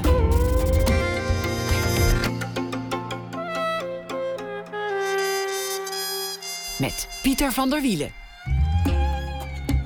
U luistert naar Nooit meer slapen. Zometeen gaan we het hebben over Elena Ferrante. Een eh, legendarische schrijver in Europa en Amerika. Ze komt uit Italië, maar in Nederland eh, blijft het nog een beetje achter. Wat is er zo bijzonder aan deze schrijfster? Ook een bezoek aan de set van De Helleveeg. En we gaan het ook hebben over eh, kunsten in de openbare ruimte... en waarom die moeten worden weggekalkt volgens de gemeente. We beginnen met Thomas Heerma van Vos. Hij is eh, schrijver en hij eh, schrijft eh, verschillende boeken, ook samen met zijn broer Daan Heerma van Vos, met wie ik hem gisteren zeer gênant nog even verwarde bij het afscheid nemen. Sorry daarvoor nogmaals, Thomas. Hij zal elke nacht een verhaal voordragen over de afgelopen dag, Thomas. Vertel, wat voor dag was het? Het was een, eh, nou, om te beginnen een warme dag. Tropisch werd hij net, eh, hoorde ik op het journaal genoemd. En het was een dag waarop ik eh, me met gelukkig vele anderen onder meer in het Oosterpark begaf in Amsterdam. Waar eh Catty Kotti, dat schrijft eigenlijk Katie Kotti, maar je zegt als het goed is Catty Kotti werd gehouden. Eh, en dat, ik weet niet of je ervan hebt gehoord, maar dat is een feestdag waarbij de, De afschaffing van verbroken- de slavernij herdacht wordt. Dag der verbroken ketenen. Ja, dat, dat betekent het inderdaad. En eh, daar gaat ook zo mijn stukje over. En dat, dat is een, eh, ja, wel mooie, mooie bijeenkomst in een zonovergoten park. Waar het slavernijverleden op allerlei verschillende manieren... en later ook op het Museumplein met muziek, dat is iets feestelijker, eh, herdacht werd. Hoe was de sfeer? Was de, was de sfeer, ehm, zeg maar, plechtig? Was het, was het een soort herdenking? Of was, was het juist een sfeer van bevrijding? Van, van nou, die ketenen zijn doorbroken, we moeten dat vieren? Nou, dat was bij het Oosterpark, daar was ik lang. Bij het Museumplein alleen kort. En dat was eigenlijk, het Oosterpark was ja, de minuut stilte. Dat was echt de herdenking en met toespraken en met ernst. En dan was het Museumplein meer wat daarop volgt met het bevrijdingsfestival... om die parallel of die vergelijking aan te houden. Dat was het feest der bevrijding. Dus die opbouw had het ook. En dan enigszins samengeperst op één middag. Goed, je hebt een verhaal geschreven. Ik eh, ben benieuwd. Ga je gang. Vandaag werd in Amsterdam Catty Kotti gehouden. Een feestdag waarmee de afschaffing van de slavernij herdacht wordt. Het is opvallend hoe kleinschalig dit gebeurde. Journaals berichten er nauwelijks over. Niemand kreeg zomaar vrij. De viering beperkte zich tot enkele plaatsen in Amsterdam. Ik was bij de viering in, de Oosterpark, in het Oosterpark, waar verteld werd dat Ketty Kotti volledig afhankelijk is van subsidie. Als de aanvraag daarvoor niet wordt goedgekeurd volgend jaar, is er dus geen herdenkingsbijeenkomst voor het nationale slavernijverleden. Een gegeven waarover veel aanwezigen zich opwonden, zoals rapper en acteur Aquasi. Wat is dit, riep? Het theater, toneelgroep Amsterdam? Een valide punt.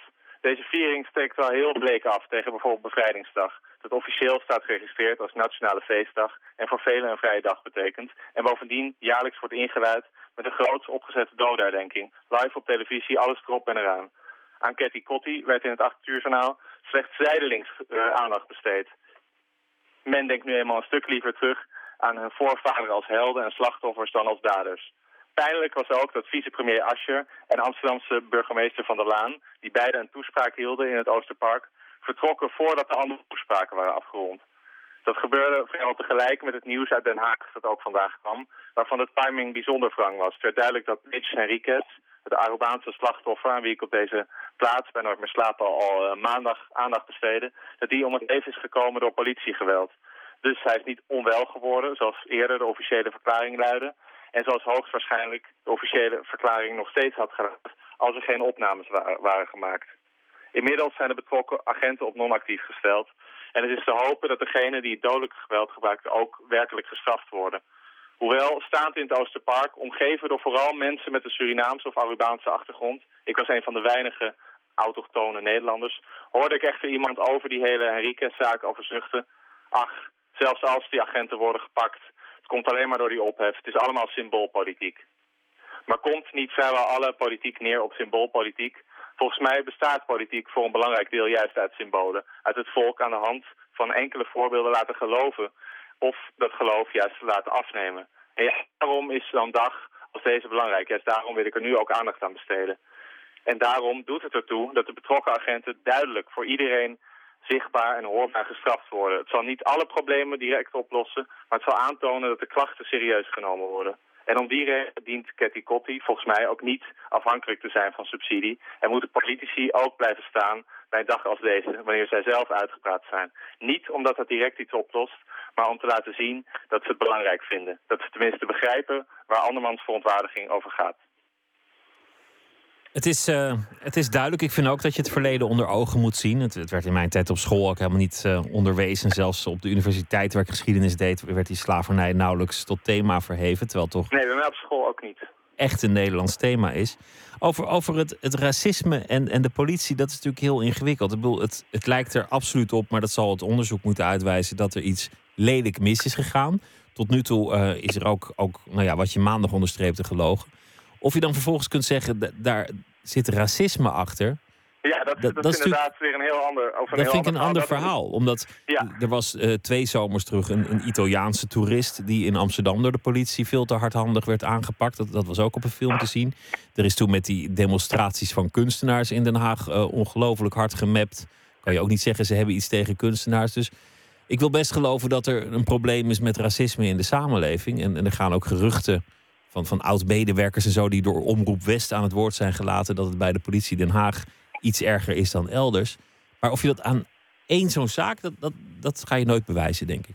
Nee, dat kan je inderdaad nooit bewijzen. Je kan inderdaad wel be- bewijzen, of dat, dat wordt volgens mij ook wel gedaan. Ik zag daar laatst een eh, goede documentaire over dat bijvoorbeeld eh, donkere mensen vaker worden aangehouden om per voor preventieve eh fou- fouilleren. Dat soort, dat soort zaken, dat kan je allemaal aantonen. Maar of in inderdaad één zo'n spe- specifiek geval, of dit nou echt anders was gelopen als die man zich precies hetzelfde had gedragen en volbloed Nederlands, Nederlands was geweest, dat kan je nooit aantonen. En dat, ja, dat is inderdaad ook nog een heel andere vraag dan of die agenten schuldig zijn. Dat ja, dan, dan zouden die agenten moeten zeggen: nee joh, we rammen iedereen veel te hard in elkaar. De persoon waarmee u belt Zo. heeft tijdelijk geen bereik. Nou, Thomas Heerma van Vos die ging eh, de tunnel in. Goeienacht, eh, Thomas, waar je ook bent. We gaan luisteren naar ehm, een band uit Liverpool, een vijfkoppige band Outfit. Hun muziek laat zich het beste omschrijven als melancholische pop. Het eh, tweede album heet Slowness, waarvan wij het titelnummer draaien.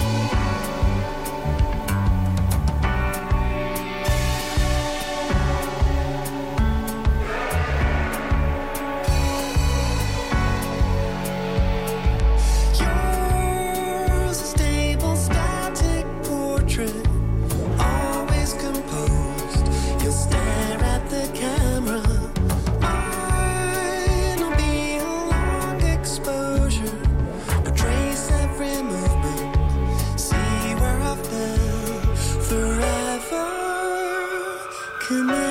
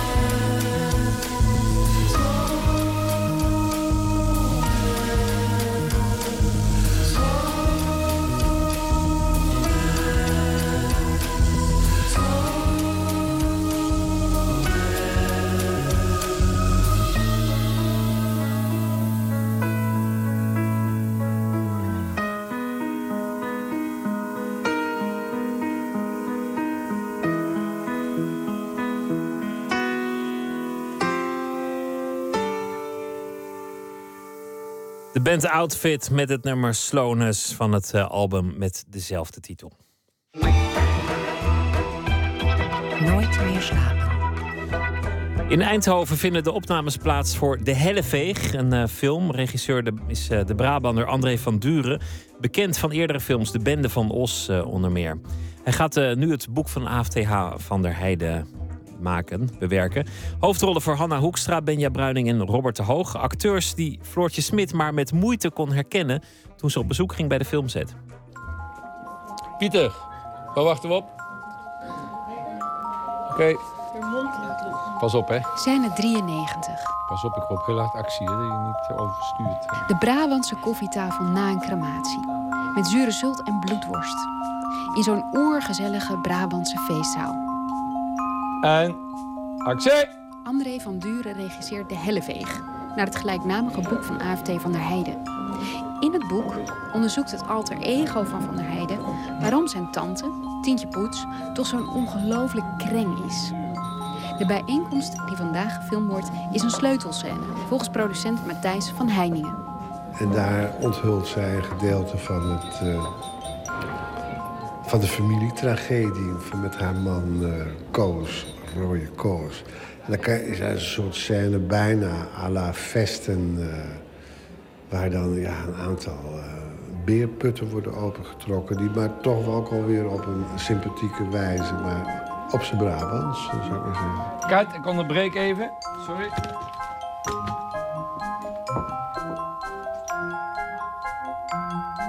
Als een film eh, zo wordt als ik denk dat die wordt, is het het meest interessante filmpersonage wat een Nederlandse film ooit gehad heeft. Omdat zo'n grillige femme fatale, dat is fascinerend om naar te kijken. En ze gedraagt zich zo onafhankelijk en het is zo'n ontzettend kreng dat heel veel... Ik ben zelf een ontzettende laffe slijmert en ik zou graag wat meer van die helleveeg hebben. En ik denk heel veel vrouwen die ernaar kijken zullen denken, weet je wat...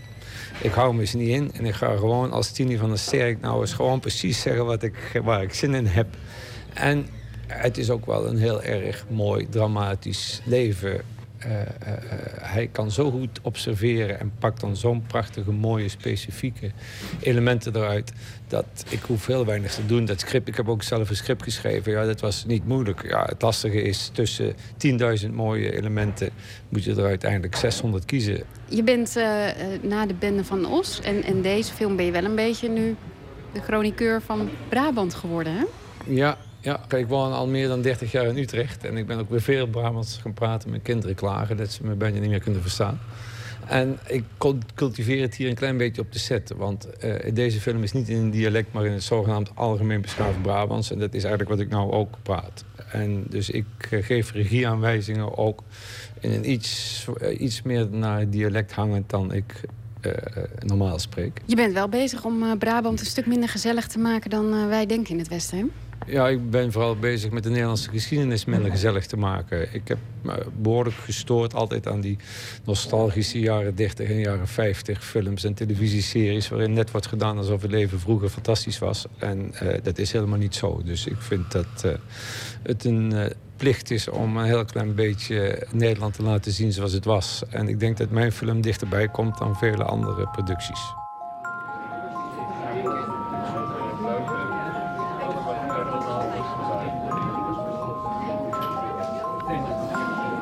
We hebben negen dagen in een arbeidershuisje gezeten... waar we in een slaapkamer twee dagen gefilmd hebben van eh, 12 vierkante meter. Dus we kennen elkaars lichaamsgeuren. Deze zaal vind ik ook een voltreffer. Ik kom zelf uit de provincie. Nou, mijn dorp was ook in zo'n zaal waar alle feesten, partijen, begrafenissen, crematie, eh, eh, eh, maaltijden. En in het weekend disco.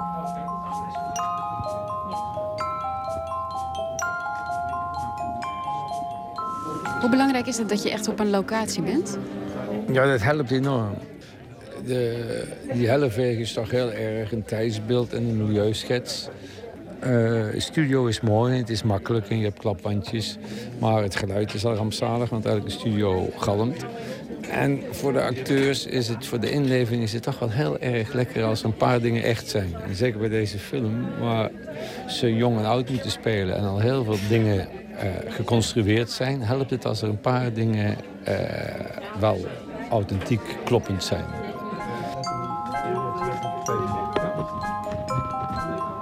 En daar komt Hanna Hoekstra weer in een wit mantelpakje. Ja, en actie! Overigens zou u haar niet herkennen op dit moment. Ze speelt een zestiger. En haar gezicht is verstopt onder protheses. Al onze acteurs eh, maken ongeveer een eh, 50 jaar leeftijdsverschil mee. Dat ouder maken, dat is eigenlijk niet het allermoedigst. Maar ouder maken zodat je toch nog die jonge acteurs er doorheen ziet... dat is het lastigste aspect. En daar hebben we ook heel veel voor getest. Aanvankelijk waren ze heel goed oud, maar herkennen ze helemaal niet. En nu hebben we een vorm dat je toch nog steeds Hanne Hoekstra door eh, eh, blijft herkennen. En Benja Bruining en Robert de Hoog. Het is een moeilijke balans, moeilijke mix. En daar hebben we heel veel voor getest. En eh, ik ben heel erg blij met dit resultaat. Maar het is echt het, het waterloo voor een heleboel regisseurs, hè? Die, die oudere make-up. Het kan echt heel verschrikkelijk uitpakken. En dit is echt wel heel goed. Dankjewel. Ja, dus eh, dit was het belangrijkste als afbreukrisico voor deze film. Er was een ontzettende dilemma. Werken we met twee of drie acteurs? Of, eh, wat vaak bij films gebeurt, of gaan we de acteurs ouder laten worden? En het probleem met de helleveeg is dat je niet meer uit die puzzel komt. Omdat de tijdsprongen vrij... eh, ze zijn veelvuldig, bijna zoveel als in Boyhood. Dus onze actrice heeft ook echt een stuk of acht kapsels. Wat je ook bij Boyhood ziet, wat anders nooit gebeurt. En je zou bij deze film heel erg moeilijk eh, de puzzel kunnen maken wie nou wie is. En dat is als je maar twee hoofdrollen hebt, niet zo'n probleem. Maar met zo'n familiedrama waarin ongeveer zeven mensen ouder worden, raak je in de war. En eh, hebben we gekozen om het met één acteur, actrice te doen.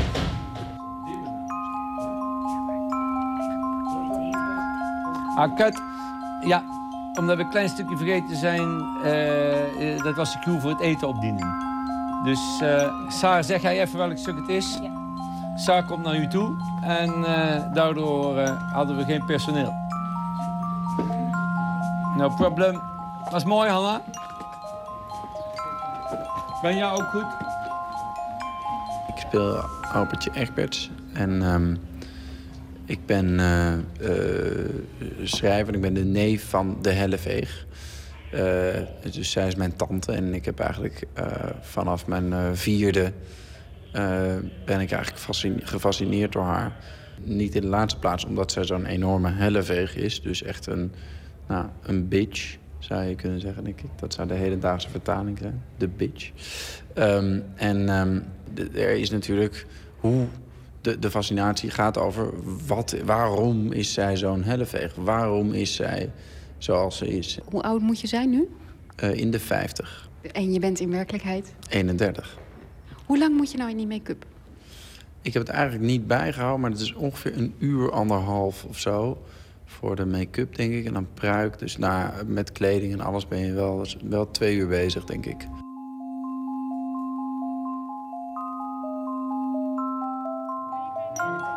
iets ouder. Dus dit is gewoon heel goed vertaald. En eh, die hebben we. En dan gaan we kijken of we eh, een ietsje trager gespeeld. En eh, iets vermoeden voor alle twee. Oké, wij met dezelfde lens gaan we door. Het eten mag even op alle tafels gezet. Hoewel dat zien ja, laten we doen. Eh, Oké, die doen we close nog, dus. Dat is niet erg. Mooi toch? Lucie, mooi hè?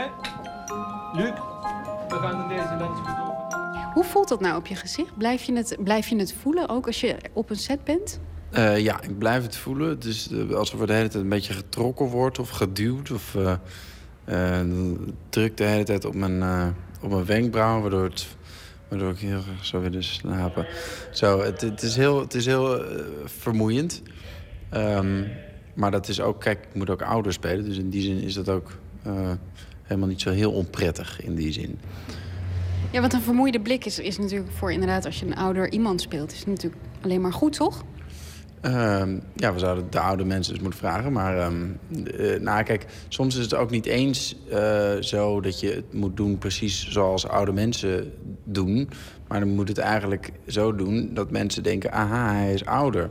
Dat is een heel ingewikkelde balans van wat je nou moet laten zien en wat je nou echt moet doen. Want sommige um, oude mensen die, die spreken eigenlijk heel, uh, eigenlijk, eigenlijk heel vitaal of, of met grote stembuigingen. Eh, terwijl we denken juist, het wordt dan uh, monotoner. Ik doe nu heel, heel lelijk voor. Maar, uh, maar soms moet je ook, gaat het erom wat je, wat je wil communiceren naar de toeschouwer toe. Dus dat is, dat is heel lastig eigenlijk te bepalen wat je, nou, wat je nou moet laten zien, wat je nou moet spelen. En een interessante puzzel. En actie! Ons, ons ambacht hoort een beetje als dat van de goochelaar te zijn. Je moet mensen niet te veel op je vingers laten kijken. Dus ik dacht, daar ga ik nou niet te veel over zeggen. En met mijn eerste, de beste radio-interview ga ik er alweer veel te veel over spreken. Dus ik ben gewoon die goochelaar die zegt, kom eens kijken hoe ik hier sta te goochelen. Goochelen met mijn zachte G. En uh, ja, dus dat dacht ik, wat ben ik toch een sukkel eigenlijk. Maar ja,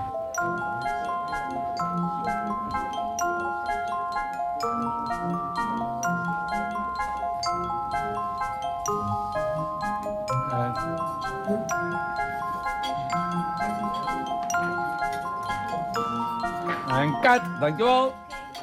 Heel goed. Mooie stukken. We gaan uh, deze nog een keertje met deze lens doen met een iets. Dus dit was een vrolijke versie.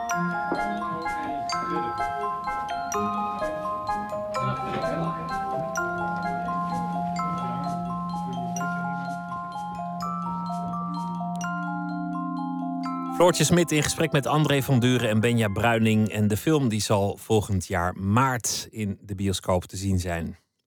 Zaterdag is het uh, Independence Day, 4th of July in uh, de Verenigde Staten. Suf John Stevens schreef een nummer vernoemd naar die dag, 4th of July. Het gaat uh, over een gesprek met zijn moeder liggend op haar sterfbed. 4th of July, hier Suf John Stevens.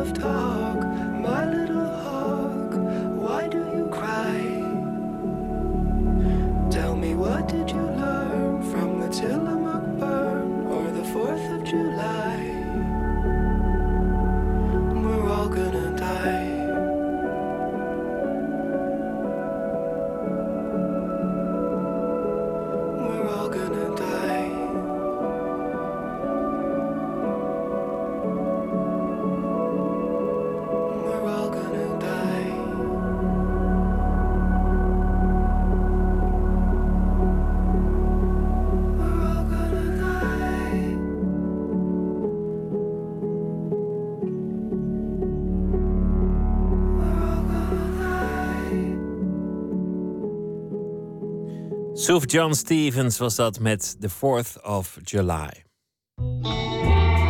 Nooit meer slapen.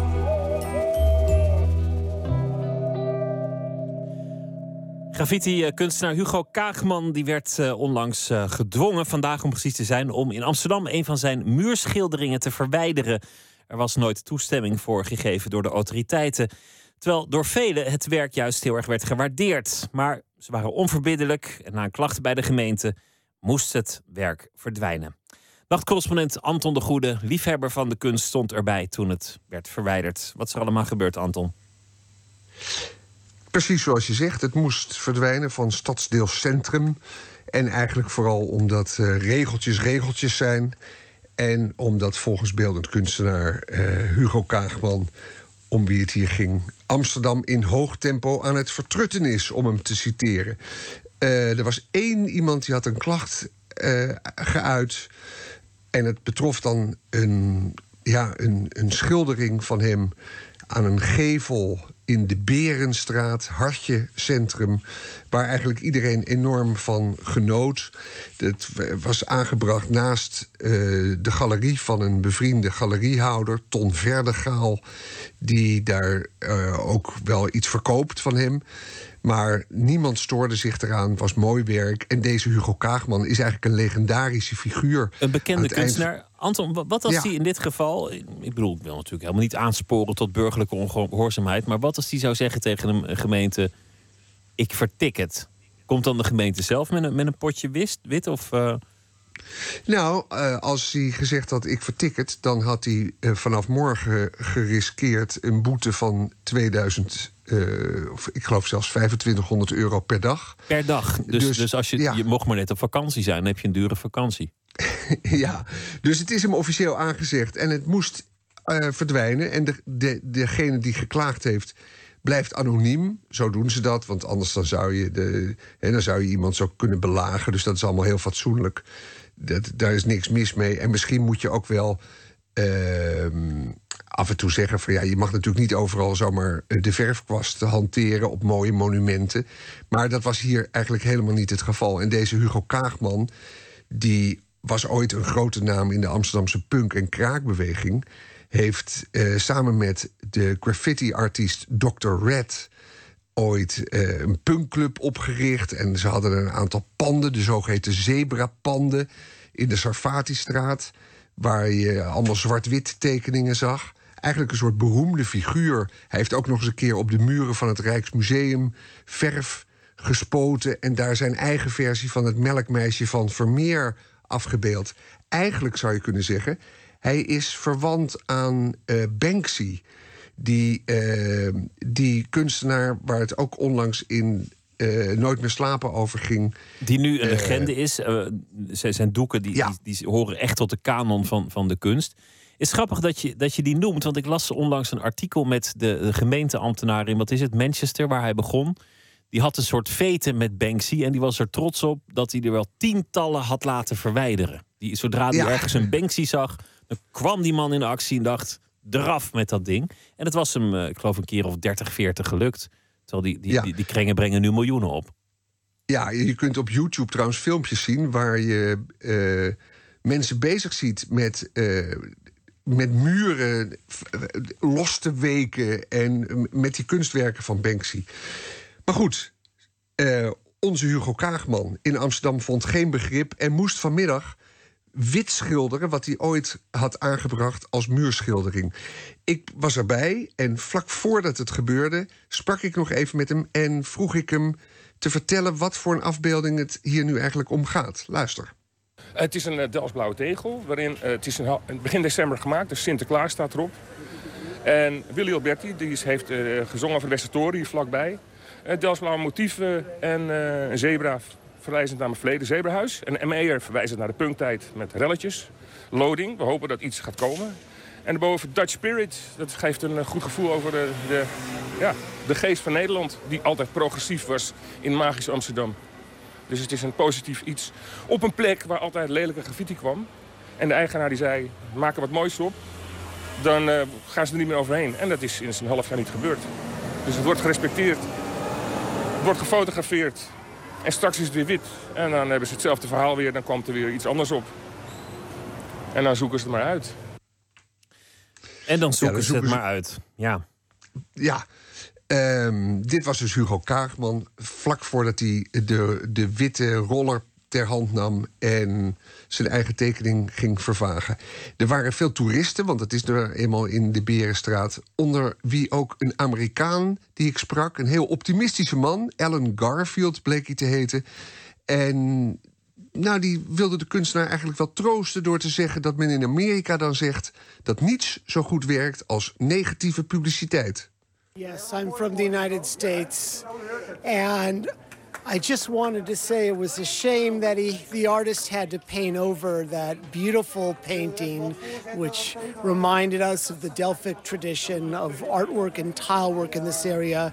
But sometimes, like they say in the United States, there's no such thing as bad publicity, and the attention that his having to remove the artwork has gotten might help bring to the attention to the other people in Amsterdam the great talent that this artist has, and he might find he'll get other opportunities to paint where he won't have to remove the art.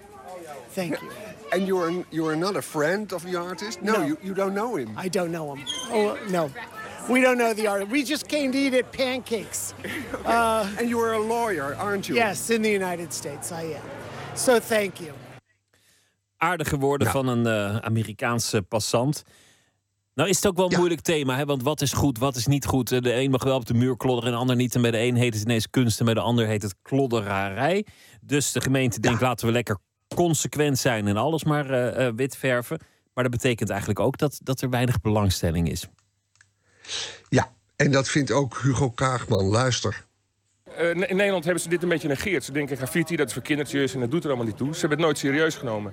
En Banksy eh, en de hele Engelse beweging, de urban art heet het, of street art, urban art, die eh inspireren elkaar enorm. En er zijn hele grote jongens uit voortgekomen die wereldwijd de wereld overgaan.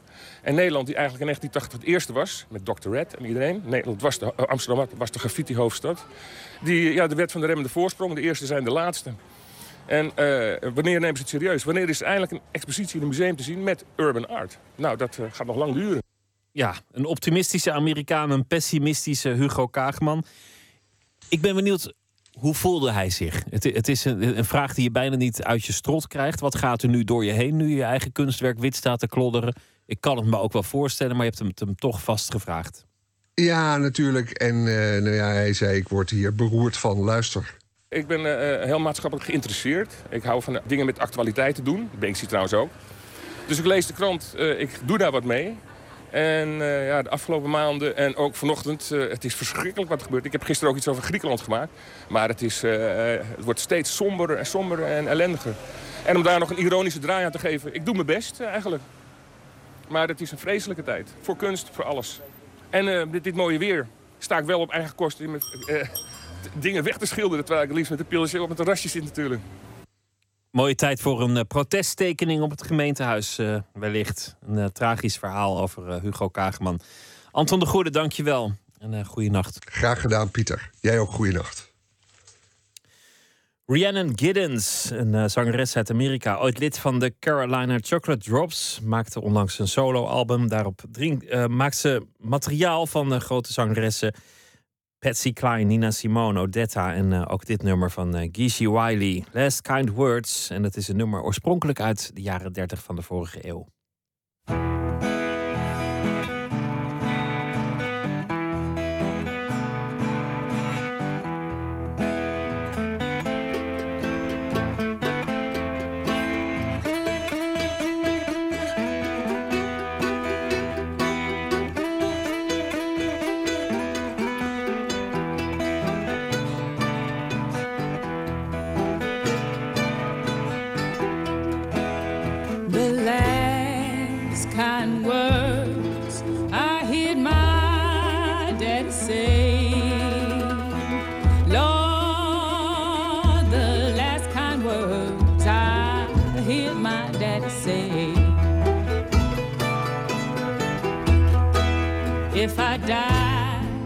If I die in the German war.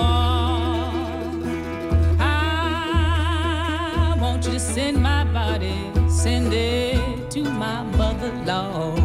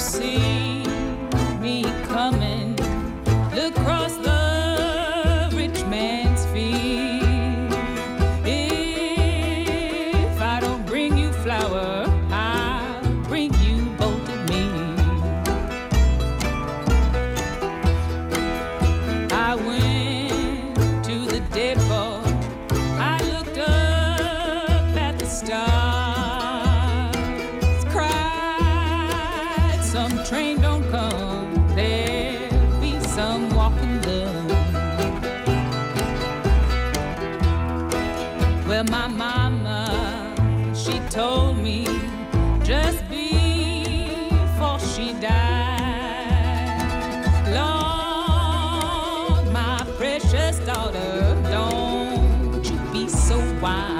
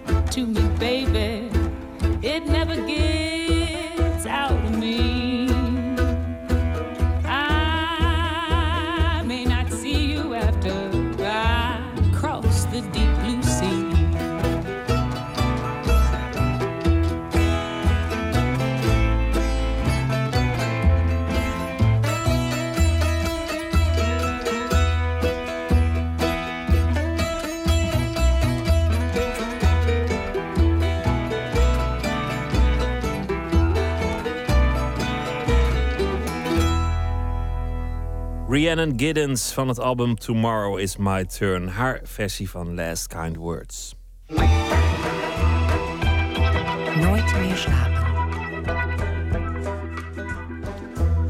Komende dag zal duidelijk worden of de Italiaanse schrijfster Elena Ferrante de belangrijkste Italiaanse literaire prijs zal krijgen. De Strega-prijs is één van de vijf genomineerden. Maar ook al zal ze winnen, dan nog zal niemand te weten komen wie zij werkelijk is. Want al 25 jaar houdt ze haar werkelijke identiteit goed verborgen. Matthijs Deens zocht twee uitgesproken liefhebbers van haar werk op om te praten over de magie van Ferrante. Schrijfsters Marja Pruis en Marten Kaan. Afgelopen voorjaar, niemand weet precies wanneer, ergens in Napels, ontmoetten de uitgevers Sandro en Sandra Ferri een van hun auteurs om te praten over haar werk. De wereld kent haar als Elena Ferrante, die Dagen van Verlating en De Verborgen Dochter geschreven heeft. En waarvan het eerste deel van haar vier Napolitaanse romans in het Nederlands is vertaald als De Geniale Vriendin. Het tweede deel komt in september. Ferrante schreef al meer dan twee decennia buiten Italië onopgemerkt. Tot ze de laatste jaren opeens aan een onstuitbare opmars is begonnen. In Europa en in Amerika. Toch weet niemand wie Elena Ferrante is. Ze houdt haar identiteit verborgen. Ferrante is een pseudoniem. Nee, klopt. Spaarzame interviews verlopen altijd via de mail. Alleen haar uitgevers Sandro en Sandra weten wie ze is. En alleen aan hen gaf ze een echt interview tijdens een echte ontmoeting afgelopen voorjaar, ergens in Napels. In ieder geval niet in een volksbuurt waar haar Napolitaanse romans zich afspelen. Want die wereld, vindt Ferrante, is het domein van haar romans. Het is het decor van de vriendschap van twee vrouwen, meisjes nog in het eerste deel, Lila en Elena. Een verhaal dat zeldzaam geladen is met betekenis, gebeurtenissen, verlangens, jaloezie, geweld, liefde en dat wemelt van de personages, maar altijd weer draait om die twee zo verschillende vriendinnen, die ondanks dat heel nauw met elkaar verbonden zijn. Vraaggesprek met Elena Ferrante verscheen in de Paris Review. Ze sprak vooral over schrijven, over haar thema's, over hoe de verhalen tot stand komen. En over dat wat zoveel mensen zo bezighoudt. De consequenties van haar keuze om onzichtbaar te blijven. Toen ik eenmaal zag dat mijn boek ehm, bij wijze van spreken niet als een hond door zijn baasje hoeft te worden uitgelaten, eh, begreep ik ook iets nieuws over schrijven. De leegte van mijn afwezigheid wordt nu helemaal opgevuld eh, door wat ik heb geschreven. En de relatie die een lezer met mij heeft, is dezelfde als de relatie eh, die ze heeft met een romanpersonage. Als zij dat zo zegt, vind ik het wel echt benijdenswaardig radicaal klinken. En denk ik dat ze gelijk heeft. Ehm, dat het ook idealiter zo werkt. Dat je een boek, een literair werk beoordeelt zonder de persoon van de schrijver. Dat is de stem van Maria Pruis, schrijfster, literair criticus bij de Groene Amsterdammer en bewonderaar van het werk van Elena Ferrante. Schrijversinterviews zijn ook vaak zo, zo vreemd en eigenlijk zo bezoedelend. Toch? De persoon van de schrijver kan heel vaak tussen het werk en jou, de lezer, in komen te staan. Als ik iets heel goed vind, zie ik er ook tegenop om te weten wie het heeft geschreven, bij wijze van spreken. Want dat kan het helemaal verpesten. Maar ben je niet benieuwd? Ja, het is, nou ja, daarom, ik zeg radicaal. Ehm, ja, het is natuurlijk ook jammer voor je, gewoon voor ordinaire nieuwsgierigheid. Je wil gewoon weten wie ze is en hoe ze eruit ziet, bij wijze van spreken. Heb je dat ook? Nee, ik heb dat niet heel erg. Nee, niet omdat ik niet eh, nieuwsgierig ben, maar dat ben ik heel erg. Dat is de stem van Marte Kaan, ook schrijfster. En ook een liefhebber van het werk van Ferrante. Weet je wat het eigenlijk misschien meer is? Dat ik sowieso het idee heb, al, al weet ik het wel, zegt dat nog niks. Ik vind het niet, vaak niet zo interessant. En dat klinkt een beetje blasé. Dat is het niet. Want ik vind zo'n interview zoals Ferrante dat nu heeft gegeven... Dat je echt, waarin ze helemaal uitlegt hoe, over hoe dat werkt bij haar. En dan, dat vind ik heel interessant. Ik las erover op de website van de Rumpus. Eh er was een stuk van een vrouw, een schrijfster, die schreef over haar eigen liefdesperikelen, relatieperikelen. En dan haalden ze, ze uit verschillende romans haalden ze een paar fragmenten. En waaronder uit de Days of Abandonment van, eh van Ferrante. En daar, op basis van die, van die paar flarden tekst dacht ik, dit is wel een boek dat ik echt wil lezen. Dat waren dus ook sterke passages, heel prikkelend. Eh, een soort eh, tirade naar de man die haar verlaten had. En het andere ging over hoe het was om seks te hebben als, als moeder zijnde. Maar dat waren allemaal zulke hele heftige en het boze ehm, stukken tekst. Maar wel gewoon heel goed geschreven en heel raak. Dat het gewoon eh, meteen tot mijn verbeelding sprak.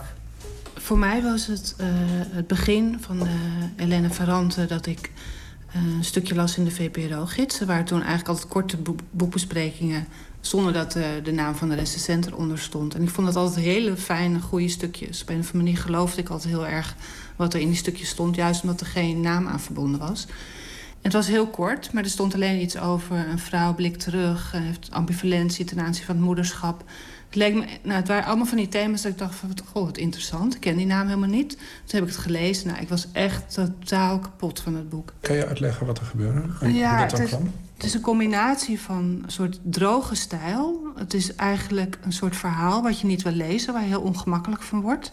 En het heeft iets heel eerlijks. Het klinkt heel flauw. Het klinkt ook een beetje moeilijk grijpbaar. Wat is nou een eerlijk verhaal? Maar juist vanwege een soort, ja, bijna een soort taboe onderwerp ook. Gewoon zo'n vrouw die zo eind 40 is, in de eentje op vakantie is. En eh, andere mensen gadeslaat. En daar zo haar gedachten bij heeft. Terugdenkt aan haar eigen leven, aan haar volwassen dochters inmiddels, die eh, elders wonen. En eigenlijk ook een soort jaloezie heeft ten aanzien van een soort beginnend gezinsgeluk wat ze ziet. En dat probeert ze dan uiteindelijk te verstoren. Het is zo'n eigenlijk een heel simpel verhaal, maar het, is een echt, het, het raakt aan heel veel dingen. Ik vond het heel bijzonder. Een anonieme recensie. Mhm. En dat het zo leuk is voor de anonieme recensie. Ik heb gelijk de neiging om te zeggen dat dat Katja de Bruin was. Ja, maar nou, het was ook wel. Ik, ik, was, eh, ik had er toen een column over geschreven, gewoon over het fenomeen anoniem recenseren. En dat op een gegeven moment kan een recensent gewoon zo belangrijk worden qua naam... dat je eigenlijk al op een bepaalde manier iets leest. En dat het juist het fijne is van als een recensie niet ondertekend is... dat je er op een of andere manier ja, het wat onbevangener leest. En dat je ook weet van de persoon van de recensent is op geen enkele manier in het geding. Niemand heeft hier eh, baat bij. Op een of andere manier neem je dan zo'n tip bijna ernstiger. En toen had ik daar een column over geschreven. En toen kreeg ik meteen een mailtje van Katja de Bruin. Van, hé, hey, wat leuk. Die voelde zich helemaal ge- gezien en gelezen. Het, ik vind altijd het gekke. Er verschijnt zoveel. En toch ben ik altijd op zoek naar het boek. En weet ik het ook van anderen. Ik sta er echt niet alleen in. Dan kan je tegen stapels aan zitten kijken. En toch zoek je altijd dat ene boek. En zij is toch wel die uitzondering. Dat dat net het boek is wat je wil lezen. En die zijn er niet zoveel. je wil natuurlijk ook gewoon lekker geraakt worden. Ja, maar nou, ik vind eigenlijk... eh, ik merk dat ik het best wel moeilijk vind als ik iets heel mooi vind... en als het nog redelijk onontdekt is. Ook om het helemaal prijs te geven. Ja, je wil toch je, je, ja, je, wil je, je schatten ook een beetje koesteren. Ik Zeg, heb je nog thuis boeken liggen? Dus daar ga ik niet over schrijven. Dat is van mij. Marja de Lezer, ze heeft zo'n gouden kistje. Ja. Is Elena Ferrante nou iemand waar je dan toch een zekere verwantschap in voelt? Dat heeft voor mij dat toch ook echt heel erg te maken met vrouw zijn, moeder zijn en werken. Dat is de, de liefde en de, en de last, de, nabijheid van kinderen. En dat, dat ze dan alleen op vakantie gaat en dat haar kinderen dan eh, naar Toronto zijn. Dus ze is echt helemaal alleen. En dat staat overal van die kleine bijzinnetjes. Van, ik, reed, ik reed dan, dus dat ze daar reed en ze had haar spullen ingepakt. Zonder schuldgevoel, punt. Staat er verder helemaal niks achter. Maar je weet, dat kun je gewoon heel goed je voorstellen. Dat dat, dat, dat dus echt een soort... Dat is een heel groot iets. Als je ergens... alleen op vakantie gaat zonder schuldgevoel en je kinderen zijn daar, dat dat. dat je dan, daar er zit een heel verhaal achter. En dat komt wel, denk ik, dat, dat is, kan ik wel echt goed invoelen. Kan je iets zeggen over verwantschap of niet? Of wat, hoe jij dat... Nou, ik voel vooral denk ik heel erg jaloezie. Vooral als ik zo'n boek als De Verloren Dochter lees. Dat vind ik zo'n zo'n perfect boek. Omdat het eigenlijk ook een best een klein boek is. Het heeft een hele mooie twist. Het is heel spannend. Ik, alles zit erin. En die andere boeken, dus zeg maar die eh, coming-of-age boeken... de trilogie die zich in Napels afspeelt... dat is voor mij wel veel meer een exotische wereld. En tegelijkertijd zit er wel iets universeels in. En daarmee voel ik ook wel verwantschap. Dat je ziet meisjes die opgroeien, die eh, eigenlijk heel veel ambitie hebben. En dan gaat gewoon al van alles wringen. Dus gewoon hun lichamelijkheid wringt met hun intelligentie, met hun verlangens, met verlangen om eh, eh, aantrekkelijk te zijn, een verlangen om hun eigen gang te gaan. Dus dan zie je alles al gaan gisten. En dat is wel eh, op zich wel een hele herkenbare wereld, vind ik. Ja, want als je, als ik vraag naar, naar verwantschappen en je zegt het is jaloezie... je had ook kunnen zeggen het is alleen maar bewondering. Maar dan, als je alleen maar bewondering zegt, heb je minder verwantschap, denk ik. Want als je jaloezie Ja. hebt, dan denk je van... Het, is, Ja. het zou ook binnen mijn eigen bereik moeten zijn. Dus ergens lijken we misschien wel op elkaar. Maar het minder dan ik zou niet zo willen. vaak dat je echt zo'n boek leest dat je denkt...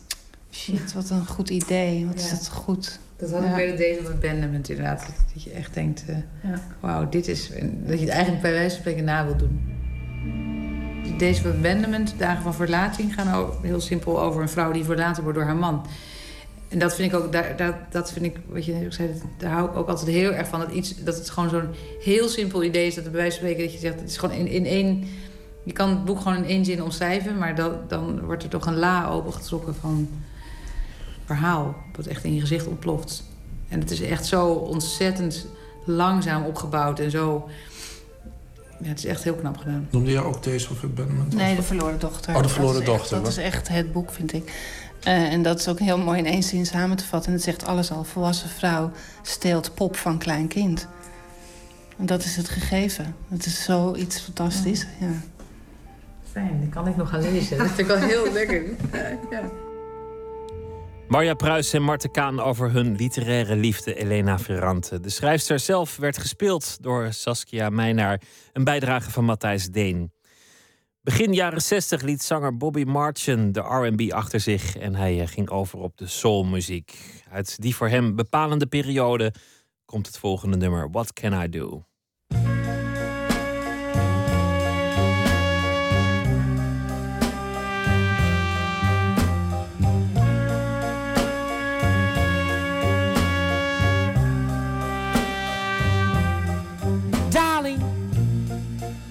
Can I do? I've tried to do everything that I could ever think of to make me and you be tight and be together. But it seems that everything I do is wrong. So won't you please tell me what can I do to make you and I get along?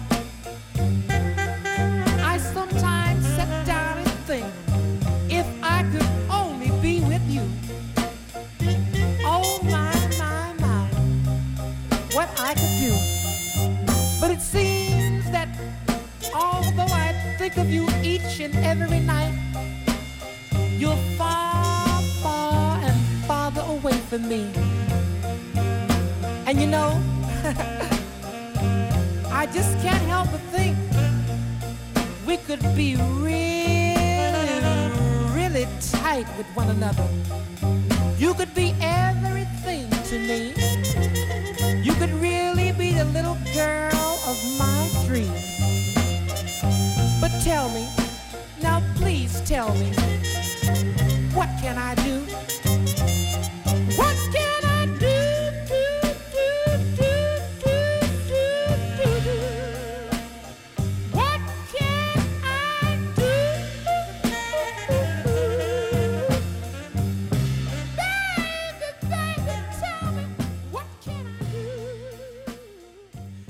Bobby Marchen was dat. What can I do? Peter van Lieris, eh, dichter, zal deze week elke nacht een eh, gedicht voordragen. Een gedicht dat hem aan het hart ligt. Hij debuteerde in 1996 zelf. Zijn laatste bundel heet Wisseling van de Wacht. Hij koos eh, voor een gedicht van F. van Dixhoorn met de titel Hakketonen.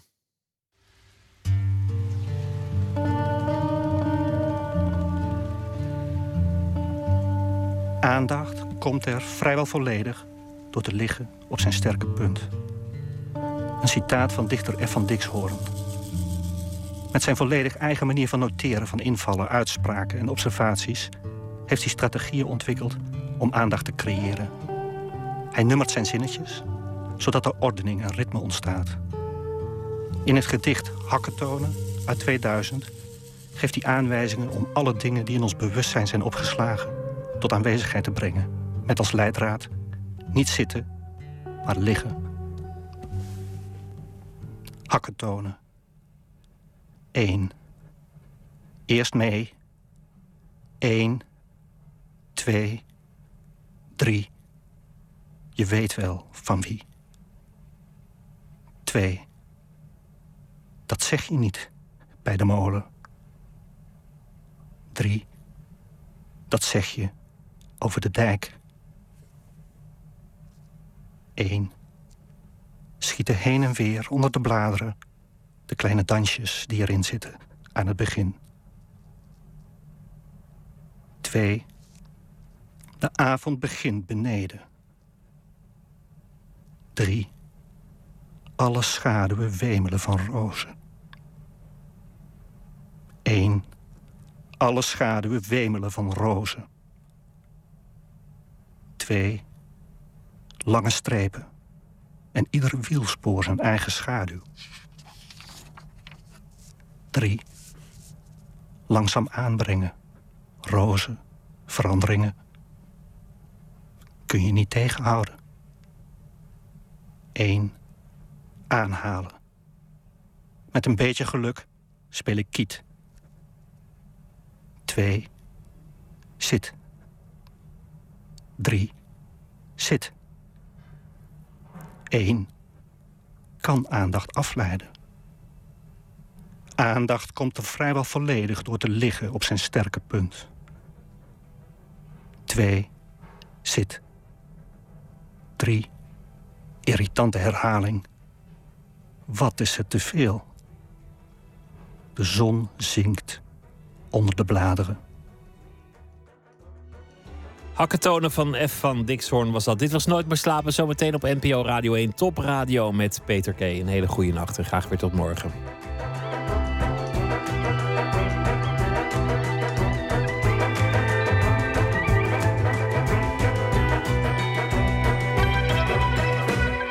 Op Radio 1. Het nieuws van alle kanten.